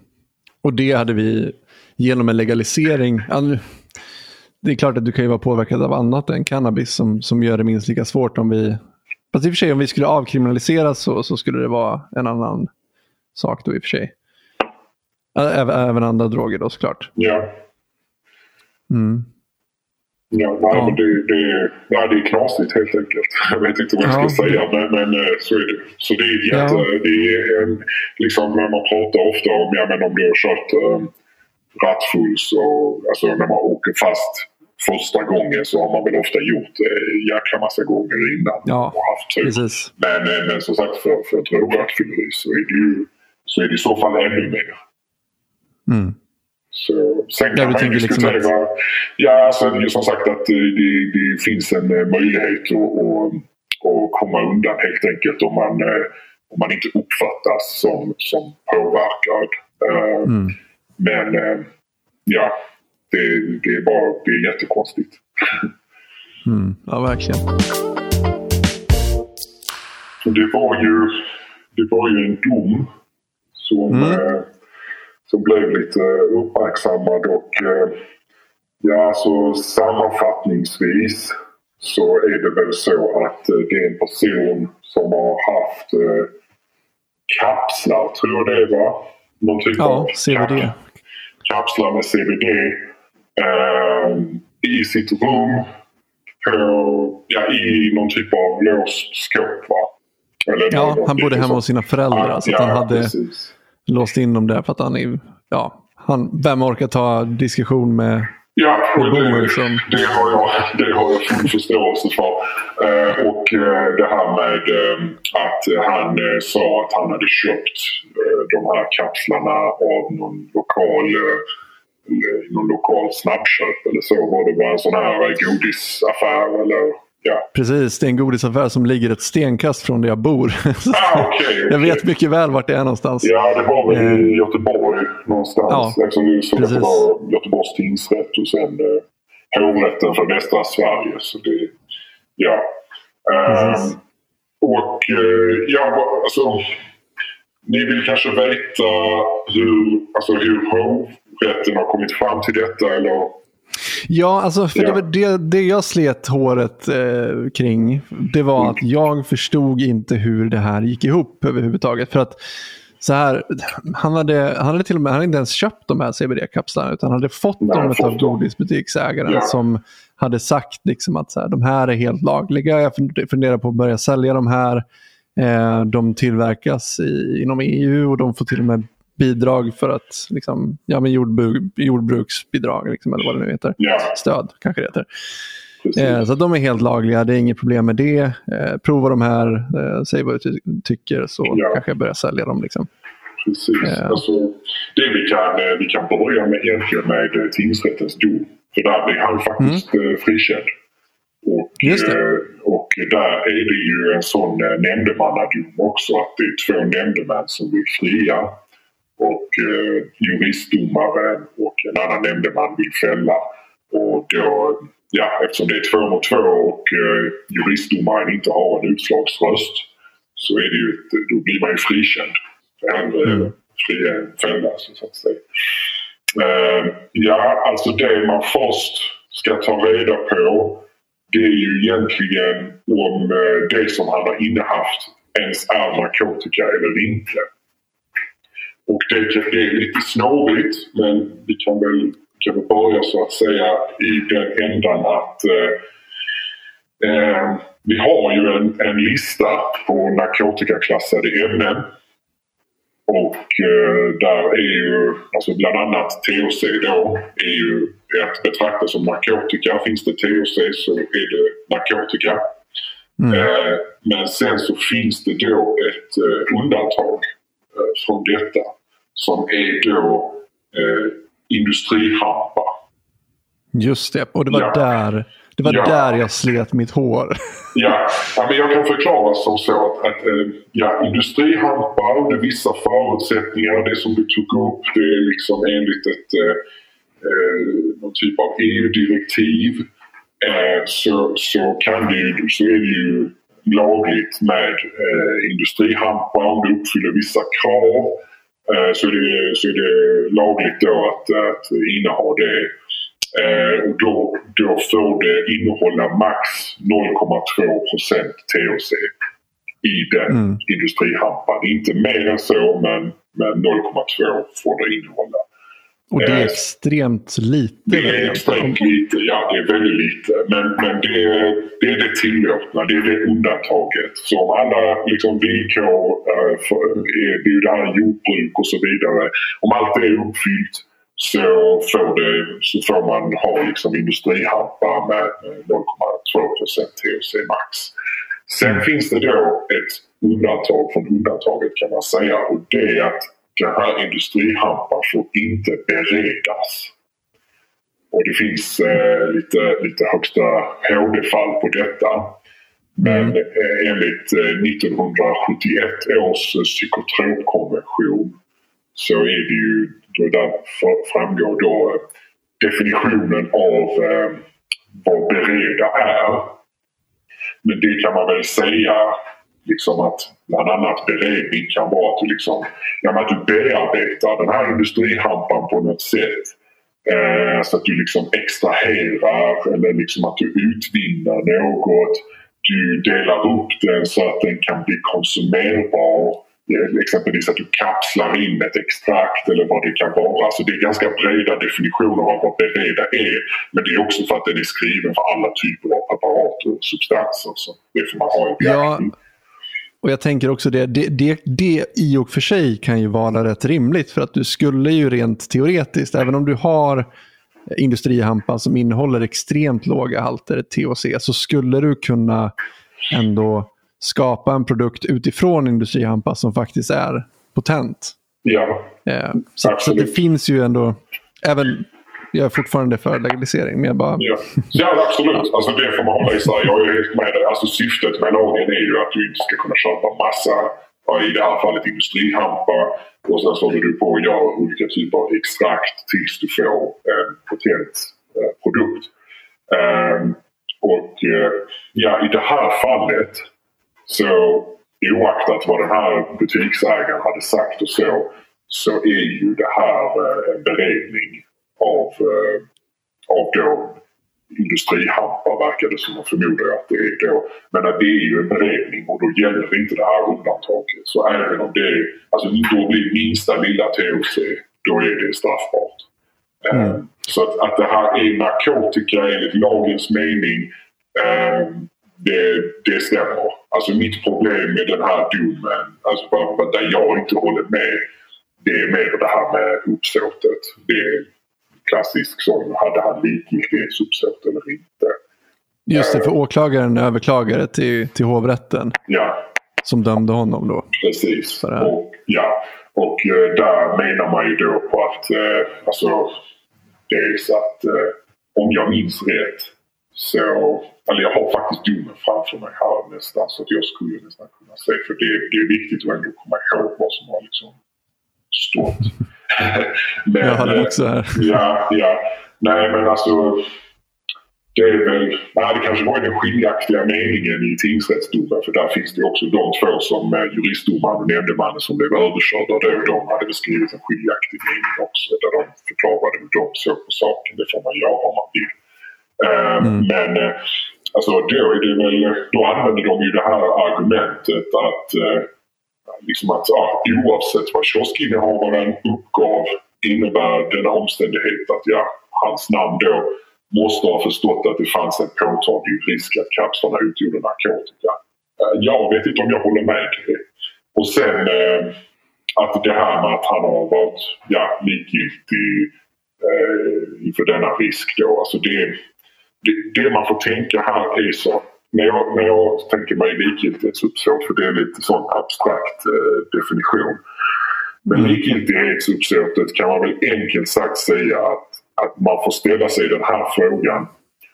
Om han visste att det här var olagligt, hade han då tagit emot de här kapslarna? Det är väl lite den frågan. Är svaret ja på den frågan, att det spelar ingen roll om de är, om de är olagliga eller inte, ja då är man ju likgiltig inför det. Så att, eh, ja. Eh, men hade man inte, alltså om man hade vetat så hade han inte gjort det. Då är det en, då är det en annan femma så att säga. Så att jag håller väl inte med här om att, om att eh, han har varit så pass att han har varit likgiltig för detta. Men det är alltså, som sagt det är en, lite när, när jag hörde talas om den här domen så, så tyckte jag det var mer uppåt väggarna av det som framgick i artikeln i Dagens Juridik. Eh, än vad Det var jag där tyckte- jag hittade den. Ja, än, än, ja än, äh, än vad jag tyckte när jag väl läste domen. Där kan jag ändå ha en viss förståelse för att, att de har dömt som de har gjort. Jag tycker fortfarande att, den är, att, att det är lite hårt. Och att, att han, att han eh, borde blivit frikänd i, i det här fallet. Men det alltså, som sagt juridik är inte en, det är inte en exakt vetenskap. Så att, eh, Ehm, så att han hade ju otur här kan man säga. Alltså det, det är såklart så det vi är människor. Eh, Domarna är människor. Så att eh, ja, jag tycker att han hade väl eh, lite otur här. Men eh, alltså det är till exempel, jag tror det står i den skiljaktiga meningen. Men det, det här får ju eh, hovrätten se. Alltså en skiljaktig mening läser ju de också. Eh, så, där, så de får ju tingsrättens dom. Eh, och eh, tror väl att det står här att han uppgav, ja att han uppgav senare att, att det var, alltså när, när de gjorde husrannsakan hemma hos honom så hade han ju inte sagt det där och då var han hade fått det ifrån. Alltså att han hade fått det från den här kioskägaren. Utan det är någonting också som han eh, eh, sa i efterhand. Och det är ju alltså generellt så gör man så så finns ju alltid den risken att det kan uppfattas då som en efterhandskonstruktion. Sen har han uppgett att ja, men jag var inte, alltså jag var chockad och huvudet var inte riktigt med och så. Det, det, det tycker jag man alltid ska ta höjd för. Eh, men eh, ja, det har man ju inte, det har man inte gjort i det här fallet utan då framstår det som en efterhandskonstruktion. Och eh, sen så, alltså av, att- av att läsa de här domarna så verkar det ju inte som att man faktiskt har kanske åkt till den här alltså kioskinnehavaren och frågat honom. Eh, Nej, det här har hänt Det är dels... Den Ja, precis. verkar inte ha skett om det är så att eh, man bara liksom avfärdar den med att det är en efterhandskonstruktion. För annars hade man snarare skrivit att ja, vi åkte och pratade med, med den här personen. Eh, som i och för sig då också gör sig skyldig till brott. Men eh, vi, vi, har, vi har pratat med den här personen och han säger att nej, så här var det inte. Eller så jo. Eh, och så, ja. Mm. Ja, men alltså jag, jag, jag bråkar lite grann med det där också. Just det där med um, efterkonstruktion och sådär. Att, att, jag menar, det är en sak om han i polisförhöret säger en sak och sen i efterhand säger någonting annat. Men som jag uppfattade det så, så sa han ingenting om vart han hade fått dem från eh, under polisförhöret. Utan det kom ju fram senare då. Och det tyder ju snarare på att, det, att han... Men, han kanske inte ens fick frågan. Vad vet jag? Alltså, vi vet ju ingenting Ja, egentligen. Liksom, vad, varför tyder det på att det var en efterkonstruktion? Jag tycker inte att det är solklart heller egentligen. Nej, där, där hade man kanske behövt läsa. Nu, jag har inte läst förundersökningen så det är nog Nej, där man kan nej, få svar lite mer i den frågan. Men, men det jag bara vill ta upp det här med likgiltighet. Så att de tar ju också upp det här med att han inte kollade upp detta på egen hand. Och eh, alltså det är väldigt lätt att säga så till en person som inte... Alltså om man själv är jurist och säger ja men du kan gå och kolla upp eh, om den här eh, saken är laglig eller inte. Eh, för det, men det här är liksom det här med THC och CBD och så. Alltså jag kan ju säga det, CBD är ju tillåtet i Sverige men då får det inte finnas någon THC i det. Så du kan ha CBD-produkter men de måste vara fria från THC. Alltså, det är ju lätt att säga så ja, du kan gå in och kolla vad lagen säger och sånt där och, och det borde du kollat upp. Men eh, saken är den att det är, det är ganska snårigt. Det är inte säkert att en vanlig person hade kunnat liksom utläsa lagligheten i, i, i det här och då när det, när det är en kioskägare som liksom insisterar på att ja, de här är, de här är lagliga annars hade jag inte sålt dem. För gemene man så vet fan om man kan säga att det är likgiltigt. Liksom. Att, att man är likgiltig. Nej. Nej. Precis. Sen är det ju också det, jag menar, om man...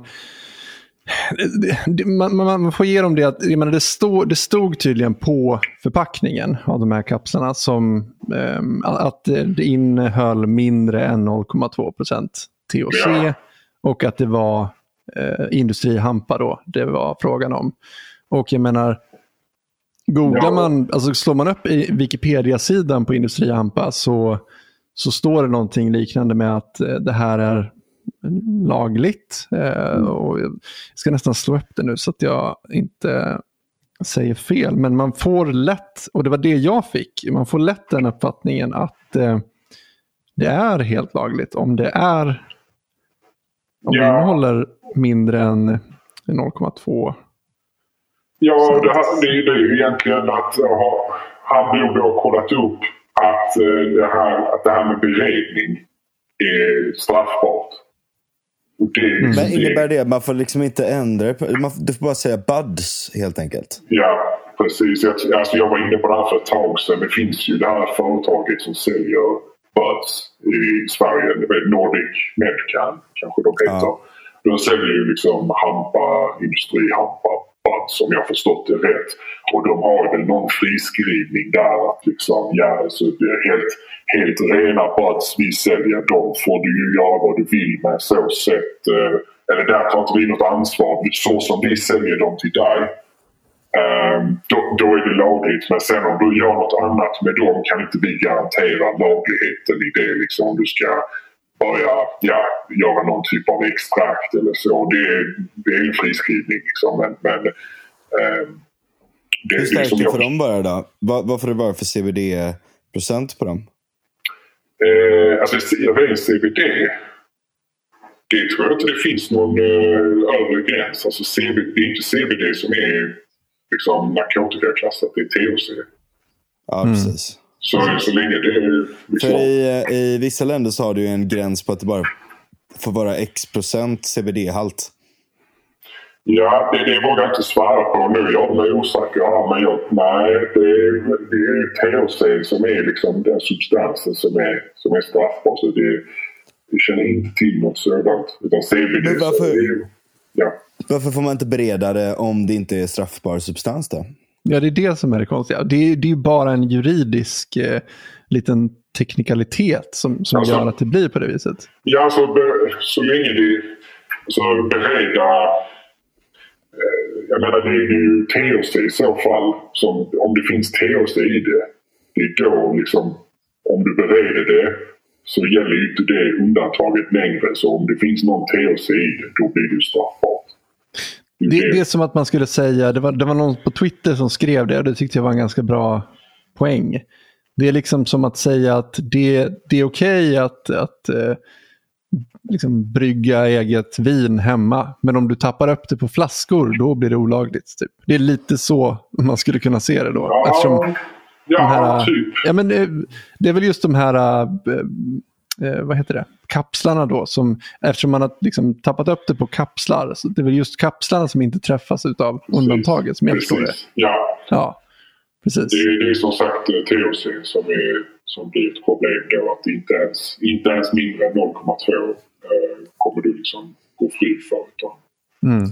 Jag, jag gick in på en sån kiosk och köpte en CBD-vape en gång och då sa de att det var lagligt. Men då är det inte det alltså? Alltså inte om det innehåller THC också. Nej, utan det var ju ingen THC utan bara CBD. Men Men en sån det försvann. Det vape... fanns. Det försvann. Ja, det, det var ingen THC sa du? Nej. Nej, men då så. Nej, men då är det lagligt. Ja. Det är THC. Men om det innehåller, om det innehåller liksom, om det, om det liksom uppfyller ehm, kriterierna för att klassas som industrihampa, att det är lagligt av den anledningen, Ja, så, så blir det olagligt om du, om du sätter den på kapslar och säljer. precis. Mm. Trots att det egentligen är samma sak, så att säga. Det, det är lika mycket THC i.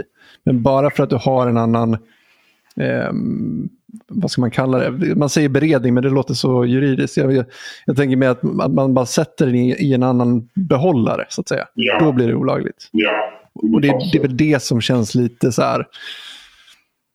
Jag tycker att det ska... Alltså jag, jag köper att det är så rent... Alltså att, att det är så lagen ser ut. Det, jag har liksom inget så jättestora problem med, med domen i sig. För mig var det mer att ja, det var så svårt att förstå vad det här, vad, vad, vad är det som händer här. Liksom. Mm. Eh, men så fort jag förstod det, då fine. Jag, Ja. jag, eh, Alltså- sen kan man ju diskutera, precis som du säger, liksom likgiltighet, eller ja, likgiltighetsuppsåtet och, och det där, det, det går ju alltid att bedöma på olika sätt så att säga. Ja. Men Ja, Men- domen är juridiskt korrekt. Det är, Ja. det är det ju. Sen det här med bedömningen av likgiltighetsuppsåt och så. Det är som sagt, alltså det är egentligen inte juridik i den meningen om du förstår vad jag menar. Det är som sagt som du säger, det är en bedömningsfråga. Där är det, ja, och, och lite så. Mm. Det är lite mer så sunt förnuft och resonemang, allmänt resonemang kring eh, hur han eh, tänkte eller borde ha tänkt. Och det där är ju, Ja. det är ju rena det är ju egentligen spekulationer men någonstans så har man ändå bestämt att ja, men det här, det här var likgiltigt. Liksom. Det hade kunnat se annorlunda ut beroende på vad han kanske hade sagt i förhör, eh, vad som framgår av förundersökningen, vilka domare som sitter där. Eh, allt det där liksom, det är de små Ja, inom, inom juristkretsar så pratar man om eh, ifall eh, domaren har ätit sin frukost idag. Till exempel. Det är bara en sån sak, liksom, om det kan Ja. ha en inverkan. Det är den här typen av omedvetna eh, sinnesstämningar och, och, och så som kan spela in. Och så Mm. är det bara. Så vi, I och med att vi inte är, liksom, det är inte matematik detta så, så kan det här uppstå. Ja, precis. Men det är ju liksom, alltså det som gör mig förbannad, det är ju inte som sagt det rent juridiska, utan det är ju det här att det är så enormt, alltså mindre än 0,2 procent utav Ja. en liten kapsel. Alltså det är sådana enormt små mängder. Jag lekte lite med tanken, jag satt och räknade på det här, så att lite heads up om jag har räknat fel, men jag tänkte att så här, om, om vi säger att vi skulle göra alkohol olagligt imorgon, precis Ja. på samma sätt som med THC, behandla det precis som vi behandlar THC, då skulle du kunna åka fast för att ha ett äpple hemma. För att ett äpple innehåller ungefär lika mycket alkohol då som, som de här äh, Ja, så. Ja. kapslarna innehåller THC. Ja, alltså jag, då drog jag ett väldigt konservativt exempel eh, eh, för min, eh, min flickvän. Så sa jag det att eh, ja, alltså, när jag pratade om den här domen med henne så sa jag det att ja, men det skulle ju, alltså det är ju pyttelite THC. Man inte liksom påverkad av detta. Det är som att försöka bli full på eh, de här sid, sidorna som säljs eh, i, i liksom snabbmats... Eller förlåt, i snabbköpen. Liksom. Och Ica, de här som är typ 0,3 eller 0,5 procent alkohol. Liksom. Eh, där typ eh, fjortisar kanske dricker 10 liter av det där och tror att de blir precis. fulla. Nej men som sagt det är helt meningslöst. Det finns inget... Eh, nej, det går ju liksom inte. Men det är så, så hård är nolltoleransen. Men om det är så nere på äppelnivå så, så Ja. var ju till och med jag, alltså, då var jag väldigt försiktig i min, eh, i min bedömning där i jämförelse. Sen vet jag inte hur eh, liksom, eh, om alkohol och THC är jämförliga, liksom, Nej men såklart. hur de påverkas så, det, det har jag faktiskt ingen aning om. Men, men, men rent, procent, rent matematiskt så är det lika stor mängd, så att säga. Ja, Kan man säga. ja. Så det, och det är ju bisarrt att, att ens lägga resurser på. Vad, vad skulle kunna ha hänt liksom, med den här snubben? Vad, Ja. vad, hade, vad hade kunnat hända? Worst case, hade han satt en liksom, kapsel i halsen kanske? Men då Ja. hade det inte med alltså, så här, ja, Det är bara helt orimligt och jag förstår ingenting. Nej, jag tycker, jag tycker väl också det är orimligt men eh, ja, det, det kanske handlar om att sända signaler. Liksom att eh, vi kan inte säga, liksom, nu tänker jag ur lagstiftarens perspektiv, så att liksom, vi kan inte säga att eh, lite THC är okej. Liksom, det- Nej, nej. nej alltså, då måste vi, vi måste vara jätte, jättetuffa mot detta för annars så ja, vi måste följa de regler som finns. Och det är ju, Ja. det, är ju, det, är ju det. Som sagt, jag har, inte, jag har inget problem med eh, hur man har följt reglerna. Jag, jag har problem med reglerna. Ja, De ser ut så här, liksom. Så det är politiska skäl som jag blir förbannad liksom, på det här. Ja, det är ju, ni kanske, du kanske har lärt dig det nu på termin sju, men det här eh, det lege lata som är hur lagen är. Och sen Mm. finns det det lege ferenda som är hur lagen borde vara. Precis. Och det är ju liksom två helt olika debatter och helt, två helt olika infallsvinklar. Men det är ju liksom, Mm. Och, som, och återigen mitt jobb, det är att köra det lata, det är att liksom tillämpa lagen. Men eh, vad jag liksom vill opinionsbilda kring eller sprida information om, det är det läge förända, det är något helt annat. Men som sagt, det, kan man, det har visat lite svårt att hålla isär. Och därmed så är det väl en av anledningarna varför det är bäst att vara anonym.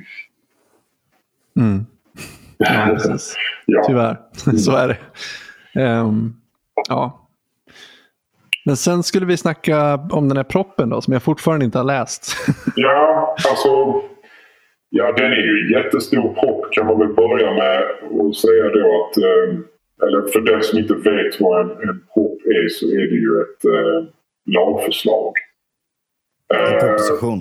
en proposition som är typ ett, det är ett färdigt lagförslag. För det finns ju lite olika stadier. Man gör en utredning och sen är det remisser och sådär. Men proposition är liksom, då är du i den färdiga produkten. Då är det liksom klart att, röstas igenom.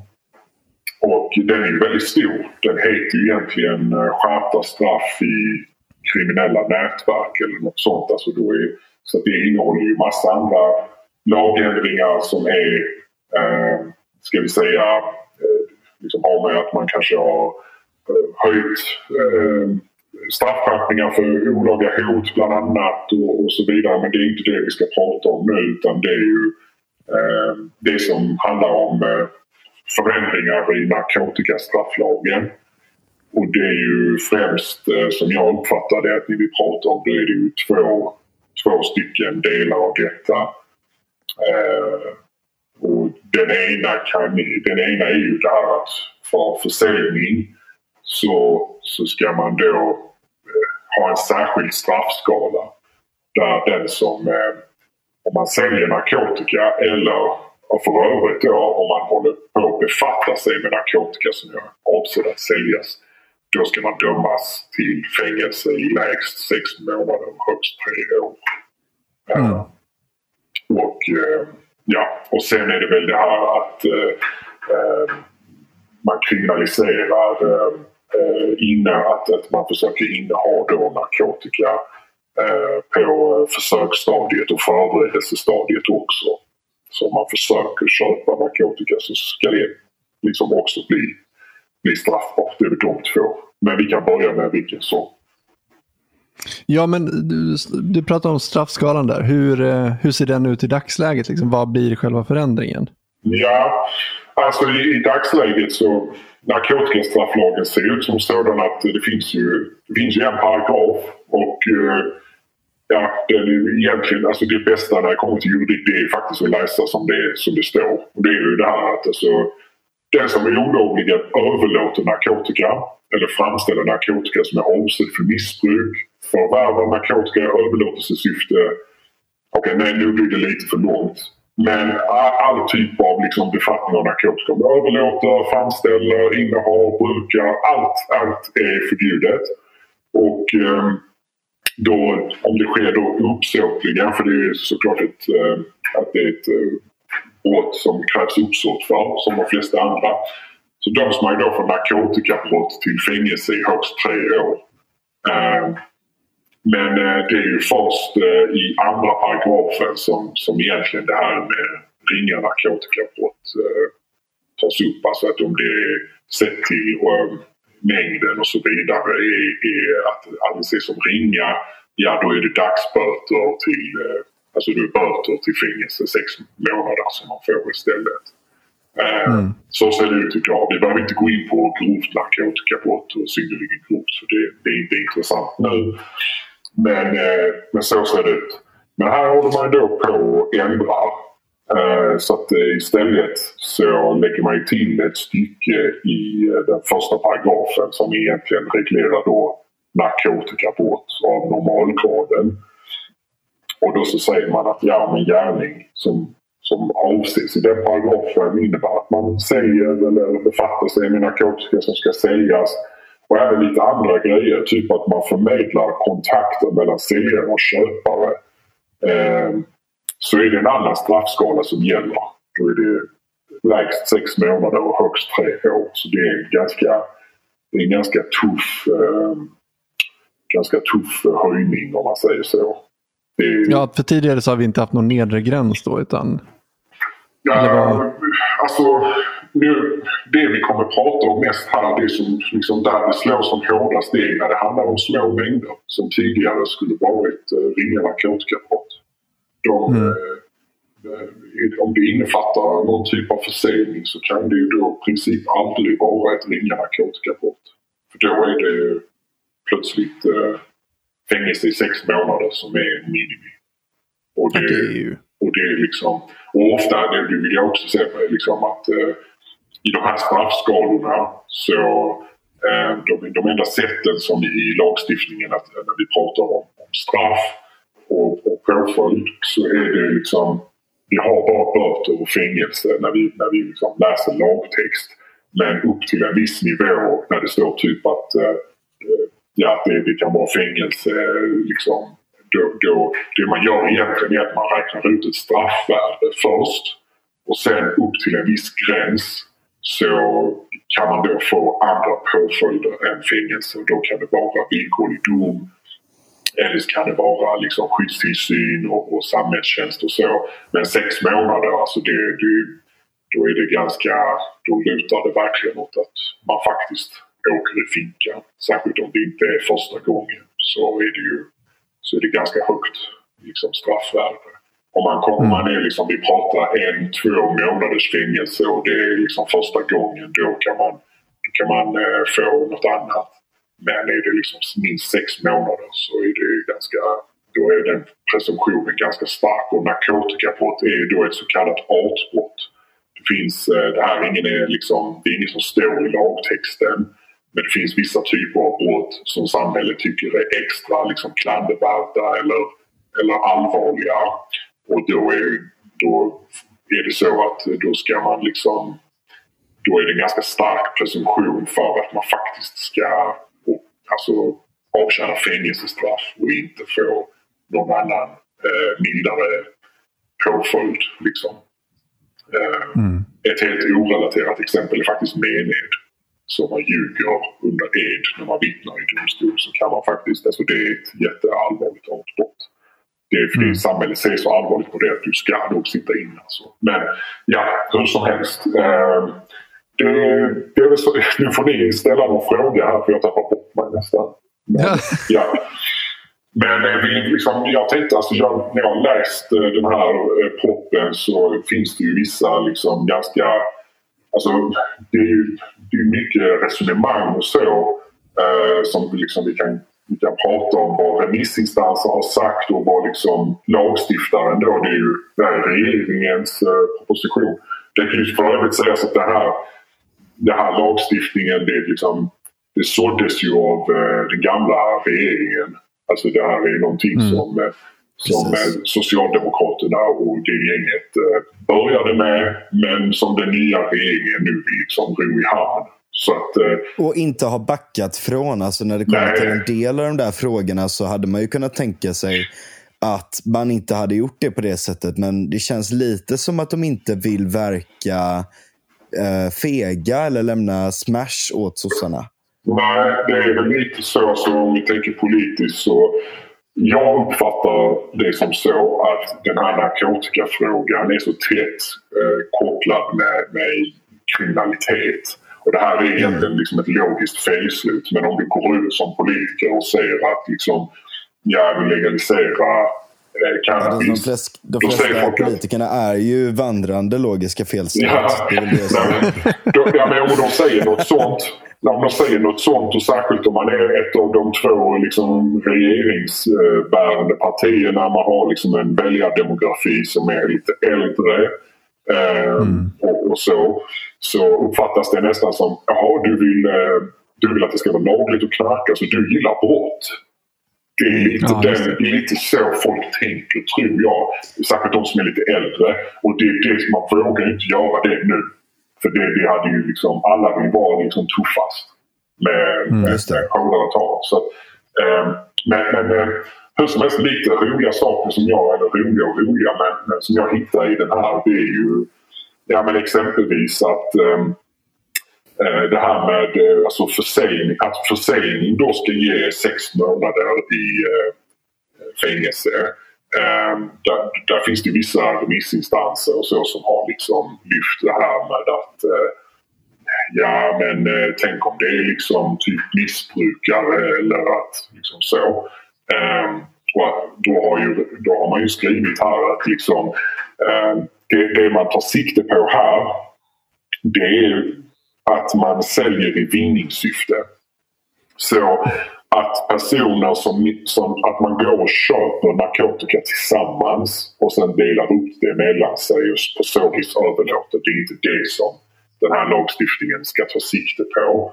Eh, däremot så skriver de att det, att, eh, det inte är liksom en, en förmildrande omständighet eller att det inte är liksom ett argument mot att införa detta eh, om man säljer för att finansiera sitt eget bruk. Eh, däremot om man liksom överlåter det utan vederlag så att säga. Alltså att man, om man inte, du menar att om, man inte, om, det, om det är överlåtelse bara för att finansiera sitt eget missbruk eller sånt där så är inte det förmildrande omständighet? Alltså så länge du inte gör... Alltså om du gör vinst på det så är det det. Alltså säg att du är missbrukare, tung missbrukare, men du säljer för att göra en, en eh, liten, liten vinst. Alltså det är svårt att veta egentligen, men, men att du, gör, du försöker göra en liten, liten vinst på det eller vad det kan vara. Det anses inte förmildrande. Att du ägnar dig åt narkotikaförsäljning för att eh, med de pengarna ska du köpa annan narkotika. Däremot, eh, typ liksom att man liksom ger, ger narkotika till någon, eller liksom att det är nästan så, så att det är för liksom självkostnadspris eller så. Det, där kanske man, där anser man att det kanske inte är, är den som, det som ska tillämpas det här hårdare. Men de är ganska så? tuffa. De är ganska Alltså, tuffa. Är, Ja. är den klausulen med då? Att det, att det ändå är givet? Alltså om vi säger så här, vi, vi ponerar ett fall då. Ja. Ehm, du är hemma med en eh, kompis. Eh, ni käkar middag tillsammans och uh, sätter er och spelar lite Playstation 2. Uh, Heter det inte nu, det heter Playstation 5. Eh, och, Boomer. ja, verkligen. Och, ehm, och, så, och ni röker en joint och sitter där och softar lite. Och sen säger din polare så här. Ja, ah, fan kan inte jag ta med mig en hundrasläng hem? Jo, absolut. Det är bara att swisha. Och så säger Ja. swish. Och så går han hem med den. ja. Är det sex månader fängelse på det då? Ah, ja, ty, alltså typ.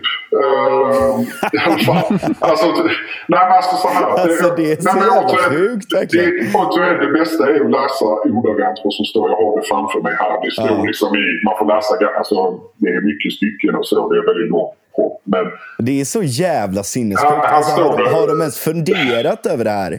Nej, alltså det, det kan man inte... Ja, man kan ha funderingar kring det, men det finns under då en rubrik som heter Närmare om avgränsningen mellan försäljning och övrig överlåtelse. Ja. Och, eh, och då står det här att...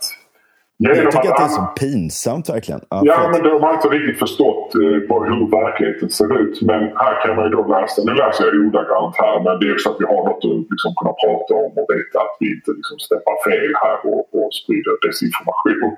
Men Ja, det är bra. det här, Äntligen, äntligen någon som Ja, men det är en jurist med oss här. Men, men det står här att liksom, genom att använda begreppet försäljning istället för det vidare begreppet överlåtelse begränsas användning av den särskilda straffskalan till att endast omfatta sådana former av överlåtelser som typiskt sett sker i vinningssyfte mot vederlag, vanligen i form av pengar. Och då nästa mening då. Andra former av överlåtelser där narkotika exempelvis överlåts mellan vänner utan vederlag eller där det är fråga om ett samköp av narkotika mellan flera missbrukare faller därmed utanför tillämpningsområdet för den särskilda straffskalan. Um, så att, um, ja, det är väl det. Är väl det. Alltså, ja, om du säljer det helt enkelt så, och du har ett vinningssyfte på något sätt. Alltså det, det är också svårt att veta, ja, om, du, liksom, om, jag, om, man, om man säljer en sån här hundrasläng för eh, liksom, det, ja, men, det priset det kostar liksom, att köpa det. det- Ja, det, är, det är en bra fråga. Jag skulle väl luta, jag är snäll och säga nej. Troligtvis liksom inte, för det är inte ett vinningssyfte. Men eh, det är ju väldigt nära. Det är ju det man vill åt. Liksom, att, att minsta lilla, lilla vinning ska ju, ska ju vara det. Mm. Så att, eh, ja, och sen eh, har man ju också skrivit det här att eh, eh, jaha, Hovrätten för Västra Sverige och Södertälje tingsrätt. Det är ju två remissinstanser. Jag kan ju nämna att domstolarna är ju remissinstanser typiskt sett. Eh, även Domstolsverket. Vilket är liksom två olika då kan man säga. Varje domstol är en egen remissinstans. Eh, och eh, även Domstolsverket som är myndigheten som liksom paraplymyndigheten för alltså domstolarna är också en remissinstans. Så det, det är olika, olika domstolar kan ju ha olika synpunkter. Men här är det då eh, hovrätten i västra Sverige och Södertälje tingsrätt.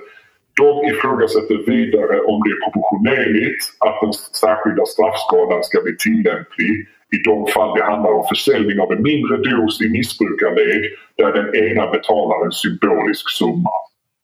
Och då svarar regeringen här att det kan emellertid enligt regeringens mening inte anses förmildrande att gärningspersonen säljer narkotika för att finansiera eget missbruk.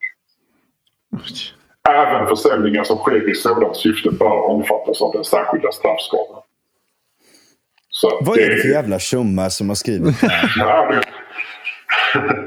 Ja, det, ja det, det, jag har ingen namn så att säga. Men, men, Ge mig dem nu. Men, men, här är det, Jag ska, jag ska göra som han Mikael och göra så här dockor med dem och gå till Ja. Just det. plattan. Men- men allvarligt talat, det är så sinnessjukt. Jag, jag, blir faktiskt, jag tycker att det är väldigt pinsamt att Moderaterna inte kan ha is i magen och säga att det här är dålig politik och sossarna kan dra åt helvete.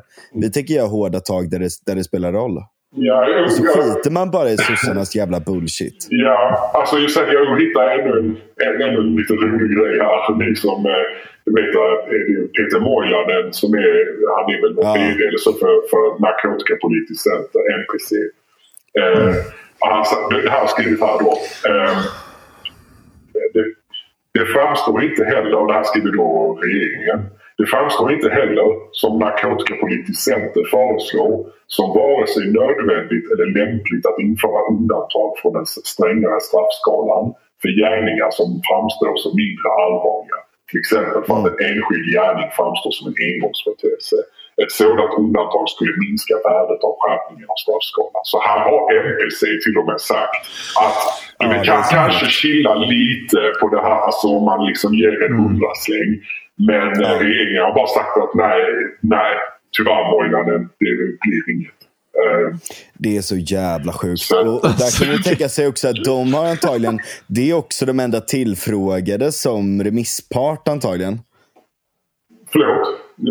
Ja, men, alltså, så här, de gör den här jävla remissen så, så tar de in olika parter. Ja, de, ja, så, ja, de väger ofta typ in det. NPC.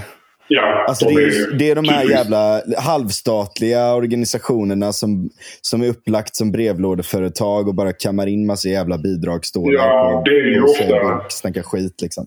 Det är ju ofta det att det är, liksom, det är lite allt möjligt. Det är organisationer och det är myndigheter och sådär. Liksom. Eh, så, jo, men jag menar externt då, alltså inte, myndig inte nej, myndigheter. Nej, precis. Att man, man tar in lite så eh, NGOs och annat också som anses ha liksom av, av eh, vad ska man säga, anses av etablissemanget ha en viss typ av kredibilitet i de här frågorna. Sen kan man ju diskutera det. Men, mm. men som du förstår, alltså ja, det är inte ovanligt att det är lite, alltså inte myndigheter, eh, organisationer som får uttala sig. Så att det, det är väl liksom, det, det kan man läsa då under skälen för regeringens förslag. Eh, för där ska de ju liksom Eh, där ska vi säga varför de liksom, då, då, då ger de ett gensvar på vad remissinstanserna har sagt. Uh, ja, så att uh, så är det. Men uh, det var något annat jag hade också hittat här som var lite, lite märkligt. Men jag har den hittar jag inte nu. Men det säger, ja, det säger nog ungefär allt om det där med att alltså du ska i princip typ skänka bort narkotikan i så fall. Om det ska vara så att det inte ska vara att det inte ska träffas. Inte ens en symbolisk summa. Eh, tolkar jag det som att inte ens, mm. inte ens självkostnadspris. Även om man pratar om att sälja det i vinningssyfte så står det sen längre ner. Det är också väldigt otydligt. Men att eh, inte ens en symbolisk summa ska vara liksom okej. Okay. För då tolkar jag det som att då är det inte vinningssyfte man, man säljer liksom, narkotika för. Det var någon mer där också som var runt eh, att eh, om man typ beställer så är det försök till eller något sånt där också. Ja, precis. Det tänkte jag vi kan prata om också. Och det är ju ja, att eh, försöksbrott, alltså det blir ett försök, då är, det, då är det kriminaliserat. Men också förberedelse som är egentligen ett förstadie till försök. Så det är ju ännu längre bak. Um, och eh, alltså, där finns det ju flera myndigheter som är liksom, de tillstyrker detta och tycker det är bra. Ehm, eh, det är ju Polismyndigheten, de har tillstyrkt detta så de säger att det, de gärna välkomnar det. Det är Åklagarmyndigheten, eh, ett flertal eh, domstolar. Så att det är liksom tunga, tunga remissinstanser. Bara liksom de mest, alltså kärnmyndigheterna för rättsväsendet, många av dem har ju sagt att det här de har ingen erinran så. Alltså, de tycker inte att det är, i varje fall eh, att, att det inte är dumt så att säga. Eh, mm. Men just eh, för försök, ja det var någonting. Just, jo, det var väl att eh, Advokatsamfundet, då, i deras remissvar så pekar de på en liksom eh, att det kan bli problematiskt att lagföra personer för försök Eh, alltså att det kan bli svårt att bevisa eftersom eh, om man inte vet vem säljaren är eller man har gjort ett beslag av narkotikan så, så kan det vara svårt att bevisa. Att försöksbrott är ju lite... Ja, alltså det måste ju... Det, för, det finns ju ett undantag från, från eh, det här med att man försöker eh, begå ett brott. Och det är ju att om försöket är otjänligt om det, om det, vi kan säga lite så förenklat att om det är ett så pass dåligt försök att köpa narkotika i det här fallet att det aldrig skulle, att det aldrig skulle ha gått, då är det inte straffbart längre. Och att mm. det då kan vara så att det kan bli svårt att bevisa, äh, att motbevisa en sån invändning där personen säger att ja, men, alltså, det här hade ju liksom typ aldrig gått ändå. Jag hade aldrig lyckats. Alltså, ett jättehårdraget exempel från något helt annat. Men eh, Det är ju exempelvis... Det är väldigt roligt. Ja, men jag läste, jag, jag läste det på Wikipedia, det här på Wikipedia också. Så här, skrev typ att om du försöker äh, giftmörda någon med vatten. Typ. Eller du försöker mörda någon genom voodoo. Då är det, liksom, det, är så, det kan inte vara försök till mord. För det är, liksom så, det är så dåligt att det liksom aldrig skulle, skulle aldrig funka. Så att, Det är så dumt. men, men, men alltså det får inte, däremot, det får inte röra sig om rena tillfälligheter som gör att det inte, liksom, att det inte blir av. Typ om du ska, om du ska råna en butik och din bil går sönder på vägen dit. Då är det fortfarande ett straffbart försök. Eh, Mm. Så att, eh, men om du tänkte typ begå en stöld genom att teleportera dig dit så är det inte det. Alltså då är det, då är det för dåligt igen. Det är skönt att vi inte kriminaliserar sådana Ja. människor som Nej, fortfarande kan göra men, det. ja, nej, men typ, eh, alltså, det, nu tappade jag bort eh, den, eh, det rättsfallet men eh, advokatsamfundet hade ju sagt det då att alltså, det kan ju bli svårt att visa om det här var ett kärligt eller okärligt försök. Eh, säg att man skickar ett sånt här sms, typ jag vill köpa en eh, femma eller något. Eh, och du skickar det till någon som överhuvudtaget inte säljer narkotika. Du har bara fått ett bluffnummer eller vad det nu kan vara. Alltså om det, liksom, om det där kan vara ett kärligt eh, försök eller inte. Men det fanns något rättsfall på det från hovrätten dessutom, så det är inte, det är inte HD. Men eh, de hade nämnt det och där har ju eh, där har man ju i, i propositionen från eh, regeringens sida bara sagt att eh, man delar inte den uppfattningen om gällande rättsläge som eh, advokatsamfundet har. Helt enkelt, vi, vi tycker vi håller inte med rent juridiskt att det är så. Men det, det får vi ju se. Mm. Något annat som är lite märkligt och så det är ju det här med förberedelse till, till eh, innehav och att det då kan handla om att man laddar ner appar som är krypterade appar. Eh, att det kan vara ett tecken. Men där har man också skrivit att det kan inte, då är det inte appar som du kan ladda ner, alltså gemene man kan ladda ner. Så typ WhatsApp är inte det. Jag skulle inte säga Wicker är det heller. För att då, jag menar, de här är ju liksom App Store-appar. Men då, alltså, då blir ju den enda definitionen egentligen att typ, man använder någon sån här jätte... Ja, men du vet de här typ Encrochat-aktiga sakerna. Eh, Eller att man typ gör en själv om man nu är duktig på det. Men eh, och alltså, det får inte vara kommersiellt tillgängliga appar man har använt. Men om man gör det annars så är det, eh, kan det vara liksom förberedelse.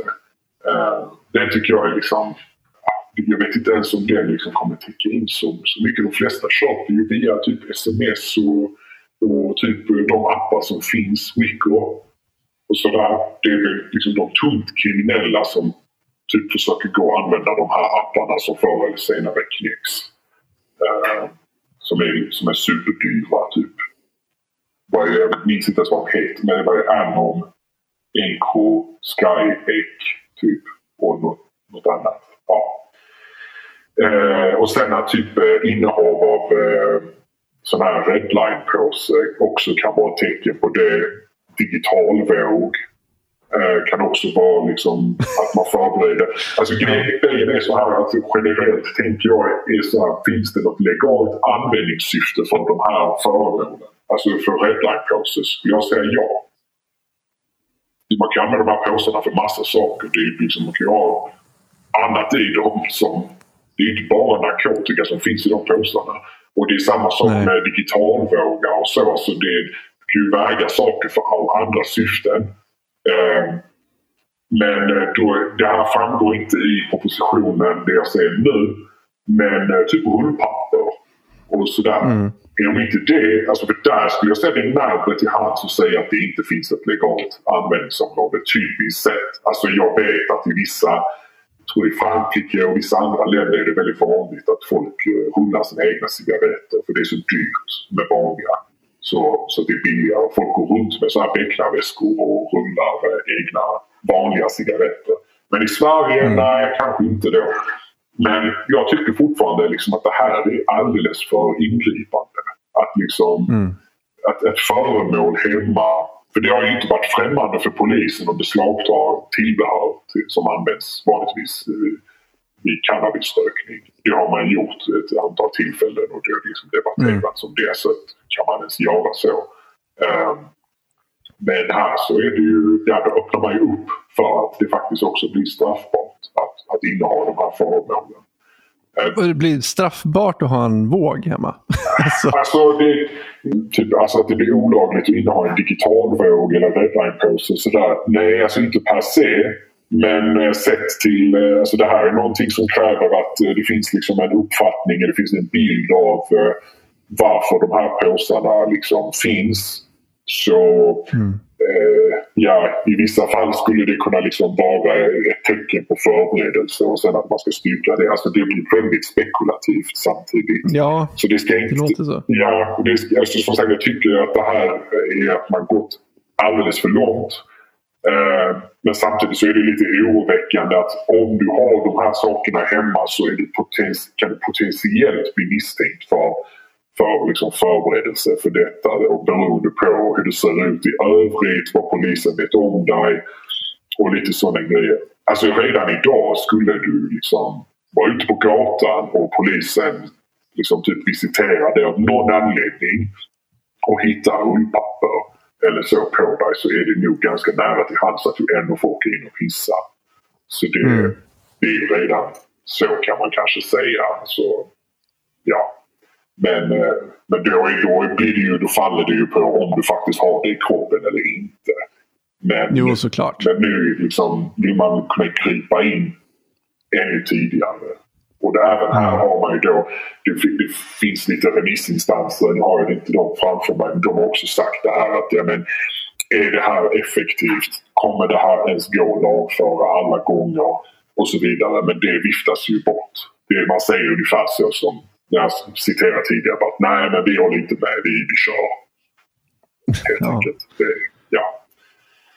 Man blir liksom så här, vad, vad, vad är... Det, är så här, det känns som att man är så jävla liksom nitisk i att man ska liksom göra så mycket det bara går. Men någonstans blir man ju bara så här, men vad är, vad är syftet med det här? Vad är poängen med det här? Ja. Alltså är det här välvilja verkligen? Alltså, är politiker så oroliga för min hälsa Ja. Att de måste ha så här långtgående mandat för polisen.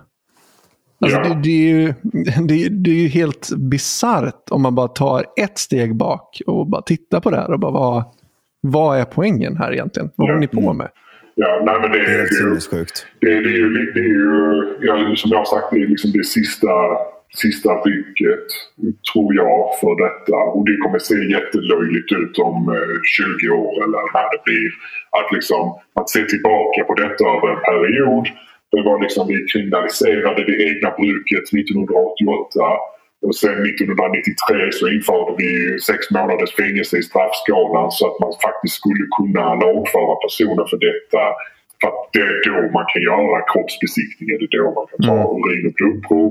Och sen så har man inte utvärderat den här på 25 år eller nästan 30, ja det är ju 30 år nu. och mm. sen så 35 om man tänker från 88. Men, men ja. Och sen eh, gör man också en sista skärpning nu också. Men sen tror jag att nästa, nästa gång så är det liksom då, då eh, tar man bort det helt. Så att man vill liksom bara kör, liksom levlat upp det här hela tiden och sen eh, i slutet så säger vi bara nej det här funkar inte. Och det kommer, det kommer mm. liksom man kunna skratta åt för det, det, det här är inte det här är liksom inte rimligt. Det, jag, jag hittar ännu en sån här väldigt typisk formulering. Men det här handlar om den här särskilda straffskalan eh, för försäljning. Eh, då står det här ett skäl som skulle kunna anföras mot att införa strängare straff i detta avseende är, som utredningen lyfter fram, att myndighetens insatser mot narkotikaförsäljning i ett kort perspektiv kan spä på våldsanvändningen bland de aktörer som är aktiva på narkotikamarknaden. Även om man inte kan bortse från sådana kortsiktiga effekter av en straffskärpning utgör risken för sådana effekter enligt regeringens mening inte anledning att avstå från en sådan straffskärpning som det nu är fråga om. Eventuella sådana mm. effekter får istället mötas med ökade insatser från brottsbekämpande myndigheter. Alltså, ja. Så att... Eh, så det, det är som sagt, det, nu, nu kör vi. Eh, det sista rycket här och det får bära eller brista lite grann. Och, ja. Mm. Så att eh, så det är ungefär så man har resonerat. Ja, och lite grann som, som du är inne på där så fick jag den spaningen också på Twitter. Eh, som lite vitpillrad eh, spaning att eh, det är förmodligen är sista rycket. Alltså, nu kommer det bli så bisarrt det här. Ja, jag skrev ju det. Det, det, 35 år. det Ja. känns verkligen som sista riket. För det, är- Mm. eh, det här är ganska mycket. Alltså, som det är ganska stor, eh, mycket stora åtgärder. Alltså försök, förberedelse, eh, särskild straffskala. Alltså, så det är en ganska stor liksom, revision. Men det är, samtidigt känns det verkligen som att det är det. För att de har inte liksom, eh, tiden med sig riktigt. Och utvecklingen i övriga Europa. Så att, eh, jag hade ju helst sluppit det här sista rycket, men nu är det så.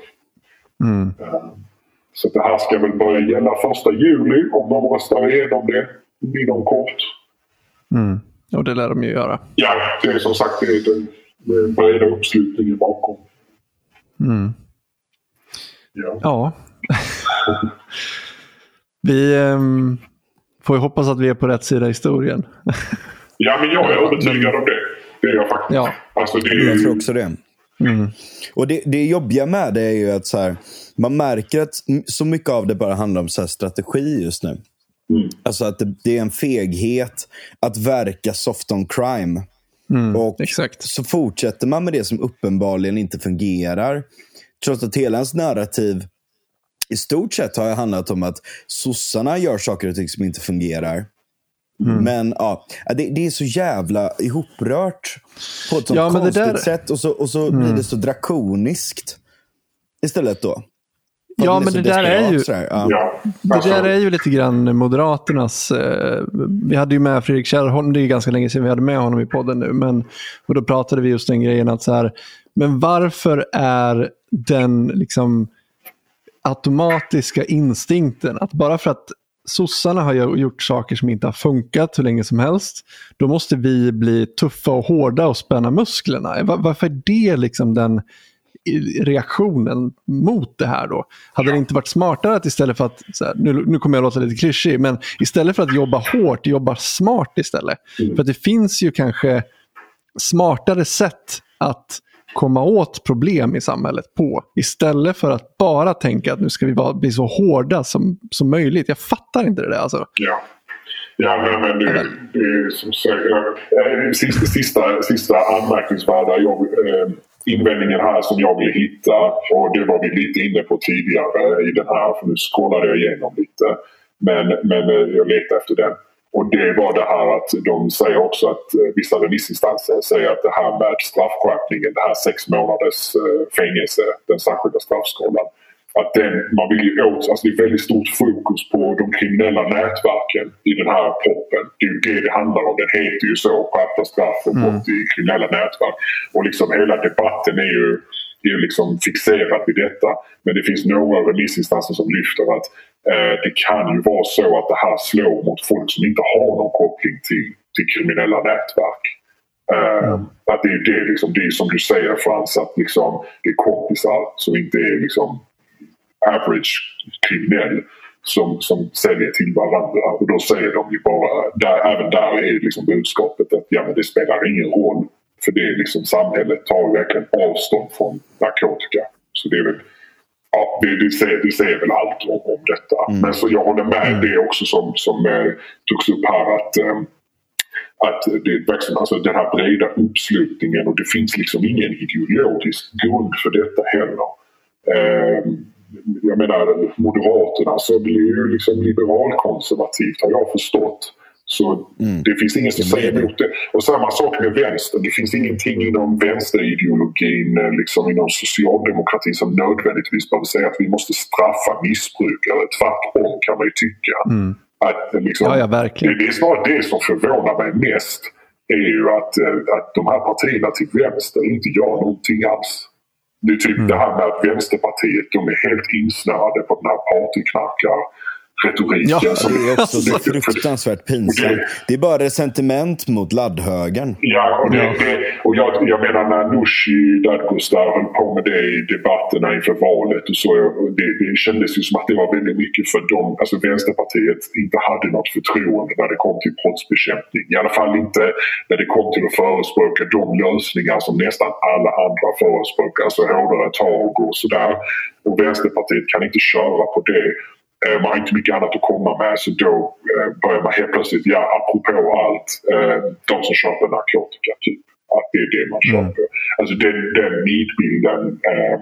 Att det är liksom antingen är man partyknarkare på Stureplan och anna- eh, annars så är man liksom nere i, i någon rända och och liksom skjuter heroin i ögat. Det är ju, det är ju så ett enormt liksom, mellanskikt. Det finns stekare som är missbrukare också. Och som, liksom, det finns personer som har ett jobb och alltihopa men det finns ett riskbruk. Eh, att man använder det lite för ofta och det blir fel ibland. och Så, det är, så är det med alkohol. Och då ska det vara så lätt som möjligt att hitta, alltså få den hjälp man behöver. Mm. Och där är också detta med liksom, när man säger att partyknarkare har blod på sina händer och så. Ja men när övergår det till att man är missbrukare och då är man ju sjuk. Och frågan är då liksom, det är ju i och för sig en, en filosofisk fråga med det här med det fria valet. Eh, särskilt när man tänker på att liksom, precis som med alkohol så är liksom, det det en liten andel av konsumenterna som står för den största konsumtionen. Ja, Exakt. nej, men, men, men det, det kom ju någon sån artikel där från eh, någon författare att man borde döma eh, att man borde, borde åtala, det är nog det mest unhinged tagning jag har hört. Ja, man, ska, medhjälp man ska döma för medhjälp till mord. Ja. Alltså, det, alltså, herregud. Ja, Kära, jävlar. kära kvinna, håll käften. Alltså, för fan vad Ja. dum. För fan vad dumt. Alltså, du kan väl lika gärna säga det om politiker. Det, att det, Ja, det är så, det, är så, kan man ju verkligen Ja, säga. men det är så löjligt verkligen. Det är så patetiskt. Ja, Att hålla alltså, på på det sättet. Det, det, är min, det är min enda kommentar till den är ju att eh, det är också ett eh, juridiskt eh, helt felaktigt resonemang. Att det skulle Ja, gå att döma någon. Det är väl det minsta man kan säga om det. Men, men ja, det är... Det har ju Ja, det är så blivit något helt, ja, ja, precis. Så att det är ju, jag vet inte varför, men att, att, liksom, att vänstern är så insnöad på, på detta eh, är ju liksom när det finns liksom alla möjligheter, särskilt för dem. Alltså jag förstår om det är, liksom att det är eh, partier som är väldigt konservativa. Vi, har inte så pass konservativa partier i Sverige jämfört med övriga världen. Alltså det är kanske, jag vet inte, SD som kan ha någon aversion mot det. Typ att, jag vet inte, alkohol är svenskt. Det är allt annat är från långt bort i stan. Men eh, jag menar liksom vänstern borde ju, alltså jag förstår till exempel inte, jag menar Miljöpartiet, kom igen. Det är något Men jag tror inte att det... Jag, jag tror inte att det är någon, alltså, nu kommer jag låta helt galen, men jag tror fan inte att det är någon som vill ha det här. Utan det är en teater, precis som Ja. jag sa innan. Det, jag menar, det blir, precis, och det blir tydligast, precis som du säger, när det kommer till Vänsterpartiet. Att de måste spela med i den här teatern på något sätt. Och det blir så jävla tydligt när det kommer till dem. Ja. Alltså, De har väl, alltså vänstern har väl redan röstat för det internt att man ska avkriminalisera men ändå, de, har inte, Ja. de, de vill inte lyfta det nu. Och då är det väl någon i Vänsterpartiet som är väl lite så, om jag inte har fel, hon Rågsjö? Eller jag är inte säker. Men, men, men det, det är ingenting de väljer att liksom lyfta nu. Utan det, det är istället att nej, vi kör lite mer på det här med partyknarkandet ett tag till. Eh, och sen så kan vi ändå säga att vi röstade igenom det för länge sedan. Alltså sen, ja, det finns vissa partier som jag tror nog kommer att vara lite snabbare än andra. Det är väl Centern, det är väl kanske, kanske, kanske Liberalerna, Miljöpartiet. Eh, och så finns det de som jag inte tror alls alltså kommer sist med detta. Men det är ju sossarna och kanske SD. Eh, Till och med KD har ju liksom börjat med det. många tycker det är en chock. Men de hade väl någonting om att eh, utreda, att utreda där, den lagstiftningen redan innan. Va? Eller så har jag fått det om bakfoten. Men, eh, men ja, sen så är det så mycket annat i Sverige. Invandringsfrågan och, och annat där man liksom man kommer liksom yrvaket en dag och säger att Nej, men vi har alltid tyckt så här så man bara vänder. Det är väl tror och Ja, Flam har sagt Ja. det vid något tillfälle att det är lite det är lite det att vi är som en eh, jättestor båt Och så när det väl vänder så vänder det och då, då slår det helt åt andra hållet. Och det är väl lite Mm. det vi har sett i migrationsfrågan. Alltså från 2015 till nu är det ju liksom helt åt ett annat håll. Och ja, det är jättestor För att omställning. vi slutade spela teater helt. Ja, och helt plötsligt. Alla, som, nu ska alla, alla, vi- alla visste. Men du, men du var tvungen att ha den här äh, masken på dig. Liksom. Ja, Eh, För att alla andra hade masker på sig, men alla andra visste ändå. Men vi måste ändå upprätthålla den här fasaden på något vis. Jag vet inte vad det där är. Men, och där är vi ju, precis, vi är verkligen där när det kommer till narkotikafrågan. Nu är vi 2014. I, Ja, det är Där bra, bra liknelse. Alltså det, jag tror inte det är långt kvar för det har verkligen blivit mer bara de senaste två åren känner jag liksom att det har blivit mycket mer. Och vi får fler och fler lagstiftare som är liksom den yngre generationen som kommer. Eh, och vi har ju liksom en omvärld med Tyskland som ska legalisera och, och liksom resten av världen. Det kommer ju liksom vara omöjligt att eh, följa. Jag tyckte det var väldigt roligt när Tyskland bestämde sig för, för att legalisera och så typ Morgan Johansson gick ut och sa att eh, det är ju tråkigt att eh, Tyskland bryter mot eh, den här konventionen som vi alla skrev på på 60-70-talet. Eh, så där, de bryter mot den och så bara, ja men vad ska du göra Mogge? Liksom. Ja. Det är- ja, precis. Ja, alltså det är ett land med 80 miljoner nu som ligger bara... Man kan väl fråga sin flickvän om hon kan personligen kolla upp alla som man misstänker Ja, jag har hört om, knarkar. ja, jag har hört om detta. Nej, men precis. Alltså, så lite, lite, alltså, det, vi är så eh, off, offbeat, eller ur fas, eller om man ska säga att det blir så Ja. löjligt. Det är väl typ till och med Verkligen, Norge. verkligen. Jag inte, jag har jättedålig koll på hur det går i Norge faktiskt. Jag borde vara bättre på det. Men norska eh, narkotwitter är De fick ett är barnsmak där. Ja, men de är ändå guld. Alltså, de, är, Det är de, de. Följ, de följer mig och jag följer dem. Och, och jag, ja, men jag gillar att se det att de kämpar på där också. Men de är väl, till, Mm. de är väl på väg att trycka till eh, sin motsvarighet till eh, Svenska Ja. narkotikapolisföreningen. Att det måste liksom... är de. Ja, det är, där är vi ju inte nu eh, i Sverige. Men, ja. Nej, precis. Och, och inte heller de här jävla mongosarna. NGO-erna. Alltså jag älskar, du blir så arg Frans. Du går verkligen igång på alla cylindrar. Ja. Nej, men jag Nej, tycker men- det är så. Jag tycker att det är helt... Nej, men, alltså, jag är så arg för att man ser konsekvenserna av det nu så fruktansvärt tydligt. Och Jag tycker att det är så fruktansvärt dåligt hanterat. Och jag är så trött på all bullshit runt det hela. Ja, nej, men samma här. Det är, det blir liksom tingsrätterna och liksom myndigheterna överlag. Så det, det är hur mycket sånt här som helst. Och jag känner inte att någon blir liksom blir bättre och får en prick i registret helt enkelt. Det är där mitt engagemang börjar. Att jag tycker bara vi ska straffa, vi ska verkligen bara straffa de gärningar som man tänker så. Att vi kriminaliserar något är eh, samhällets absolut tydligaste signal. Att vi, inte vill, att vi inte tycker om det här beteendet. Men då ska man liksom ha utsläckt alla andra möjligheter till att stävja det här problemet.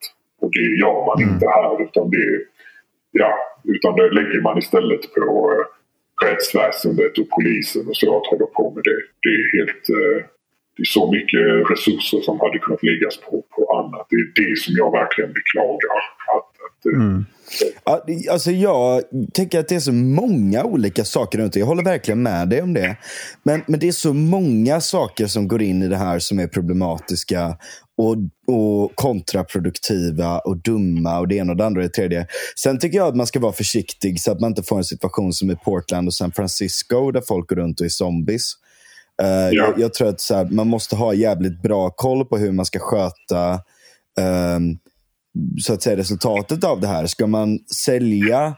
Jag tror att det bästa är att sälja allting lagligt och använda de resurserna för att sätta folk i rehab och eh, återintroducera dem till samhället. För dem, försöka få in dem i jobb och olika såna här saker.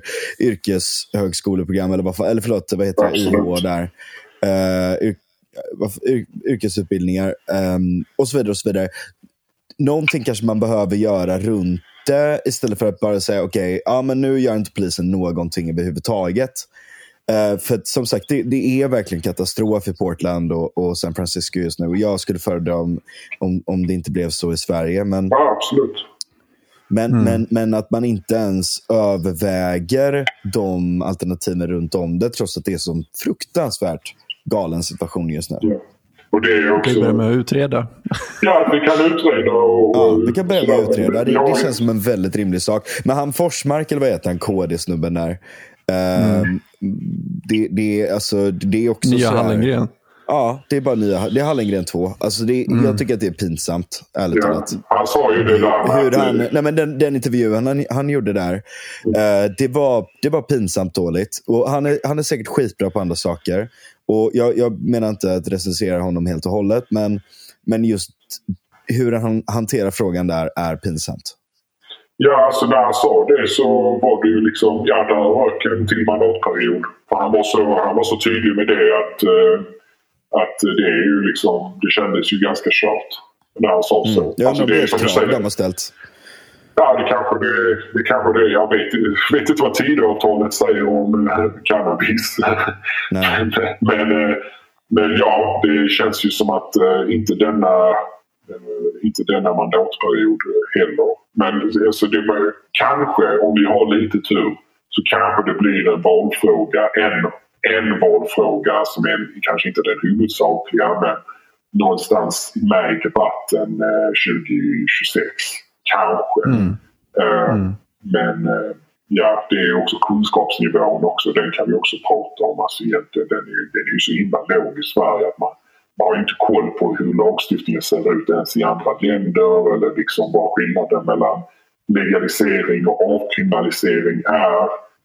Um, och det är liksom nästan så... Det, alltså, Morgan Johansson exempelvis, han måste veta vad den skillnaden är. Han spelar ju bara dum när han säger att han inte vet. Eller alltså när han eh, twittrade så. Liksom, det, han vet ju. Jag menar, så, han är väl jurist till och med? Nej, Morgan är inte jurist. Det, jo, Morgan Johansson är jurist. Nej. Det, det, nu ska jag kolla upp det. Jag, jag är ganska säker på att han är jurist. Han inte är det, jag, är, är, du hundra på det? Jag är hundra på att han inte är jurist. Det, den enda, alltså, nu är, Gunnar Strömmer är ju... Alltså jag kan låta väldigt elitistisk. Jag tycker justitieminister, då ska man banne mig vara jurist. Eh, mm. Men, men eh, senaste innan Gunnar Strömmer, det var ju Thomas Bodström, försvarsadvokaten. Han är nog fortfarande verksam. Och sitter dessutom i någon eh, etikkommitté i Fifa. Men eh, eh, Gunnar Strömmer är också intressant för han har ju också en bakgrund som advokat. Eh, han, gjorde ju, han var ju med och grundade Centrum för rättvisa som kämpar, mm. som, som liksom driver mål som har med, med den lilla människans rättigheter att göra och så vidare. Mm. Han har den bakgrunden, lite som medborgarrätt och sådana grejer. Men nu är han justitieminister för liksom, eh, ja, en regering eller ett underlag som liksom ska driva igenom ja, men väldigt drakoniska åtgärder mot liksom, mm. straffskärpningar och, och, samtidigt det här med att eh, det här med medborgarnas integritet. Att eh, ja, men, preventiv avlyssning och så vidare. Eh, han har ju helt enkelt, eller jag säger inte alls att han har den nyansen som, eh, som jag vet att han, kan, att han säkerligen har inuti sig i och med att han faktiskt är eh, advokat. Eh, det här med liksom, eh, problematiserandet av eh, att man ingriper i människors integritet. Eh, men det, det, är väl lite det att han har tagit av sig sin advokathatt och satt på politikerhatten istället. Sen får vi mm. se vad det leder. Men ja. Och, och är du minister... Ja, får, jag bara, ja. får jag bara sticka in det snabbt? Jag tar helt och hållet tillbaka det här. Morgan Johansson är absolut inte jurist. Nej. Jag vet inte vart jag har fått det ifrån. Men jag hade fått för mig det av någon jävla anledning. Han är journalist. Just ja. Det tror jag ja. att visste. Men han har en filkand i statsvetenskap. Ser jag. Ja, ja. ja. ja. Uh, ja, det är, vet vi alla att det är en jävligt meningslös utbildning. ja, men, eh, ja. Nej, men det, det, det, jag håller med dig där. Alltså, ska, ska man vara... Just för att det, det är ju ska, ska du vara justitieminister, då, då borde du fan ha koll på din skit. Gunnar har faktiskt koll på sin skit. Ja, Men jag håller med om att det är lite tråkigt att... Där får man ju se, vad, alltså ministerrollen är ju en anställning. Det är ju inte, att, att det, det är inte, det är inte en folkvald position att Nej. vara i. Nej, det är det inte. Nej. Eh, Så du är anställd för att administrera på sätt och vis regeringens vilja. Ehm, och så att, ja, det, man, får, man får tänka lite på det sättet också. Jo, absolut. absolut. Men, eh, men jag vet, alltså, jag tror som sagt Gunnar Strömmer ändå, han, han vet. eh, Det är väl ändå lite den eh, tilltro man får ha till honom. Känner jag så här att han, han, har ju, han vet ju egentligen vad han sysslar med. Liksom. Ja, jag tror att vi ska vara Mm. glada att vi har honom där. Ja, Ja, faktiskt. Ja, jo, som sagt, han är jurist i alla fall. Så, Men det är jag som kanske är lite så eh, eli- elitistisk eh, i mitt juristspår. Men, men ja. Nej, men det är väl rimligt. Nej, men alltså, jag har förtroende för Gunnar Strömmer. Alltså, som den Gunnar Strömmer som jag känner igen sedan tidigare så att säga.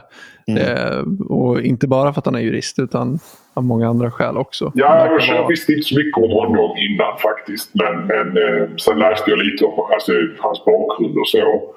Eh, och, nej, men det, det verkar som att han är vettig liksom. Mm, verkligen. Ja, Ja, vi får se om det är sista rycket nu. Ja, sista rycket, Eller hur det blir. vi får tacka så mycket. Det, det har varit superintressant verkligen. Ja, Ja, tack själva att jag fick vara med. Det, Det är ja, kul att kunna grotta ner sig i detaljer. Ja, Det är verkligen. Jag. Jag har varit ganska tyst det här avsnittet, men, men jag har lyssnat med stora öron. Jag, jag är väldigt dålig på juridik. Ja, men det, det, ja, jag kan säga det nu när du är eh, termin sex var det va, Daniel? Ja, Ja, precis. alltså det, är- det är typ då man faktiskt börjar fatta saker. Den första halvan av juristprogrammet vad jag minns. Eh, visste jag inte vad jag höll på med. Alltså då höll jag på att ledsna på det. Alltså vill jag verkligen jobba som det eller inte? Men det är någon kurva där. Och sen efter att man börjar få liksom grepp om det här med den juridiska metoden.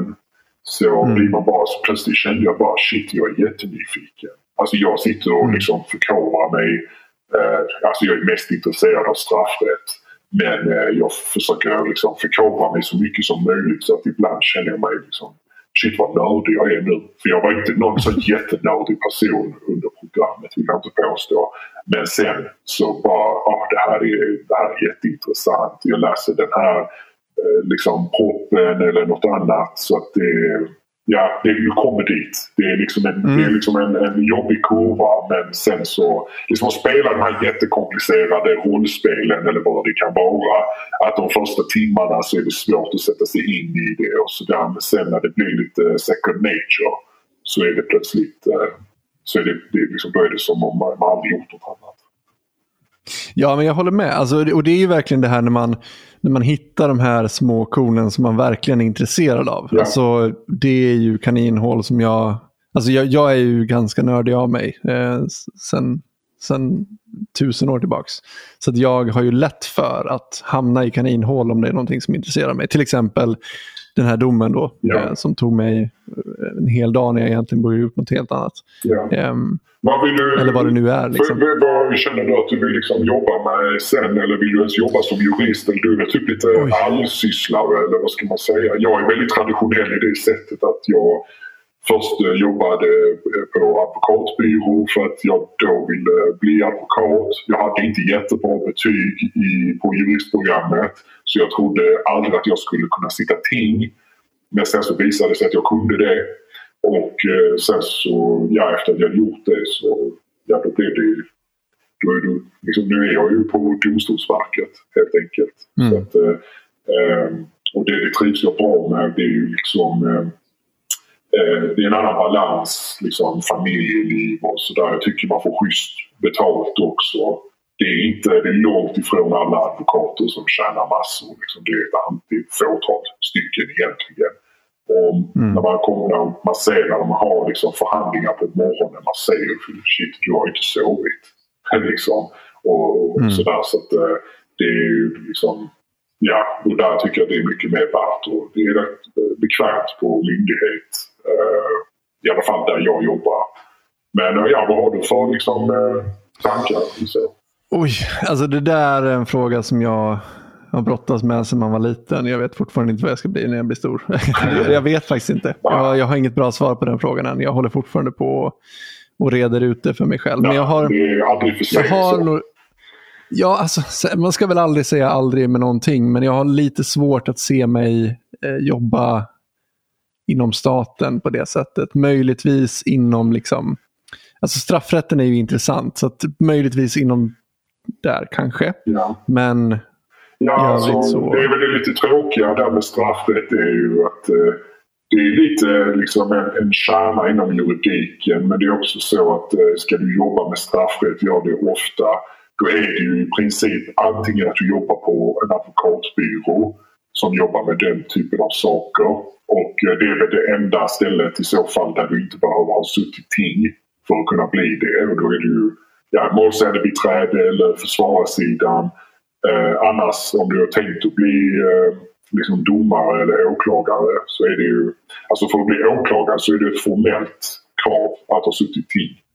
Men för domare mm. är det inte det tekniskt sett men nästan alla har gjort det ändå. Det finns nämligen en väg man kan ta om man har typ jobbat som advokat väldigt länge och väldigt duktig och sådär så kan man ju eh, söka efter ett tag till att bli domare utan att ha gjort en sån tjänstgöring. Men det är, ganska, det är mm. sällan.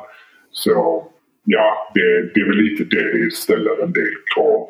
Eh, så att, ja, men så är det väl om man vill jobba med affärsjuridik till exempel. Det är också väldigt, väldigt mycket jobb där. Men de får också mm. lite bättre betalt. Generellt. Ja. Ja. Ja. Ja, det är en svår fråga alltså. Alltså försvarare är någonting jag har tänkt på. För det är, alltså jag gillar ju upp, uppenbarligen eftersom jag åsikter som inte går... Jag är ju ganska kulturradikal person så, så jag är van att jobba i underläge. Liksom, ja. Eller liksom försvara saker och ting. Ja. Ja. på det viset. Så, um, men ja, jag, jag, jag, vet inte än. Jag, um, jag skjuter det på framtiden så får vi se. Ja, nej, men det låter som en bra idé. Det gör det. Du, har, du får höra av dig om du har um, karriärsfrågor. Uh, liksom. Det kanske var ja, lite men det är absolut. absolut. Det finns i DN ja, men det, det, det tackar jag för. Det, det kommer behövas. Absolut, ja, självklart. Ja, men grymt. Men ja. eh, jättetack för att du eh, var med och hjälpte oss reda i lite grejer. och Väldigt intressant att prata med dig. Ja, tack och, själva, eh, tack själva för att eh, jag fick eh, komma. Eh, hoppas att ja, de som lyssnar att de liksom lär sig något. Och, och så, så hoppas jag på eh, återseende i cyberspace Ja, ja, följ knarkjuristen på Twitter kan jag säga som avslutande ord. Ja, tack så mycket för shoutout. Ja. ja. Stort tack, ja. stort tack. Ja, tack, tack så mycket. Ha det gott. Ha det gott. Ha det gott hörni. Hej. Hej. Hej.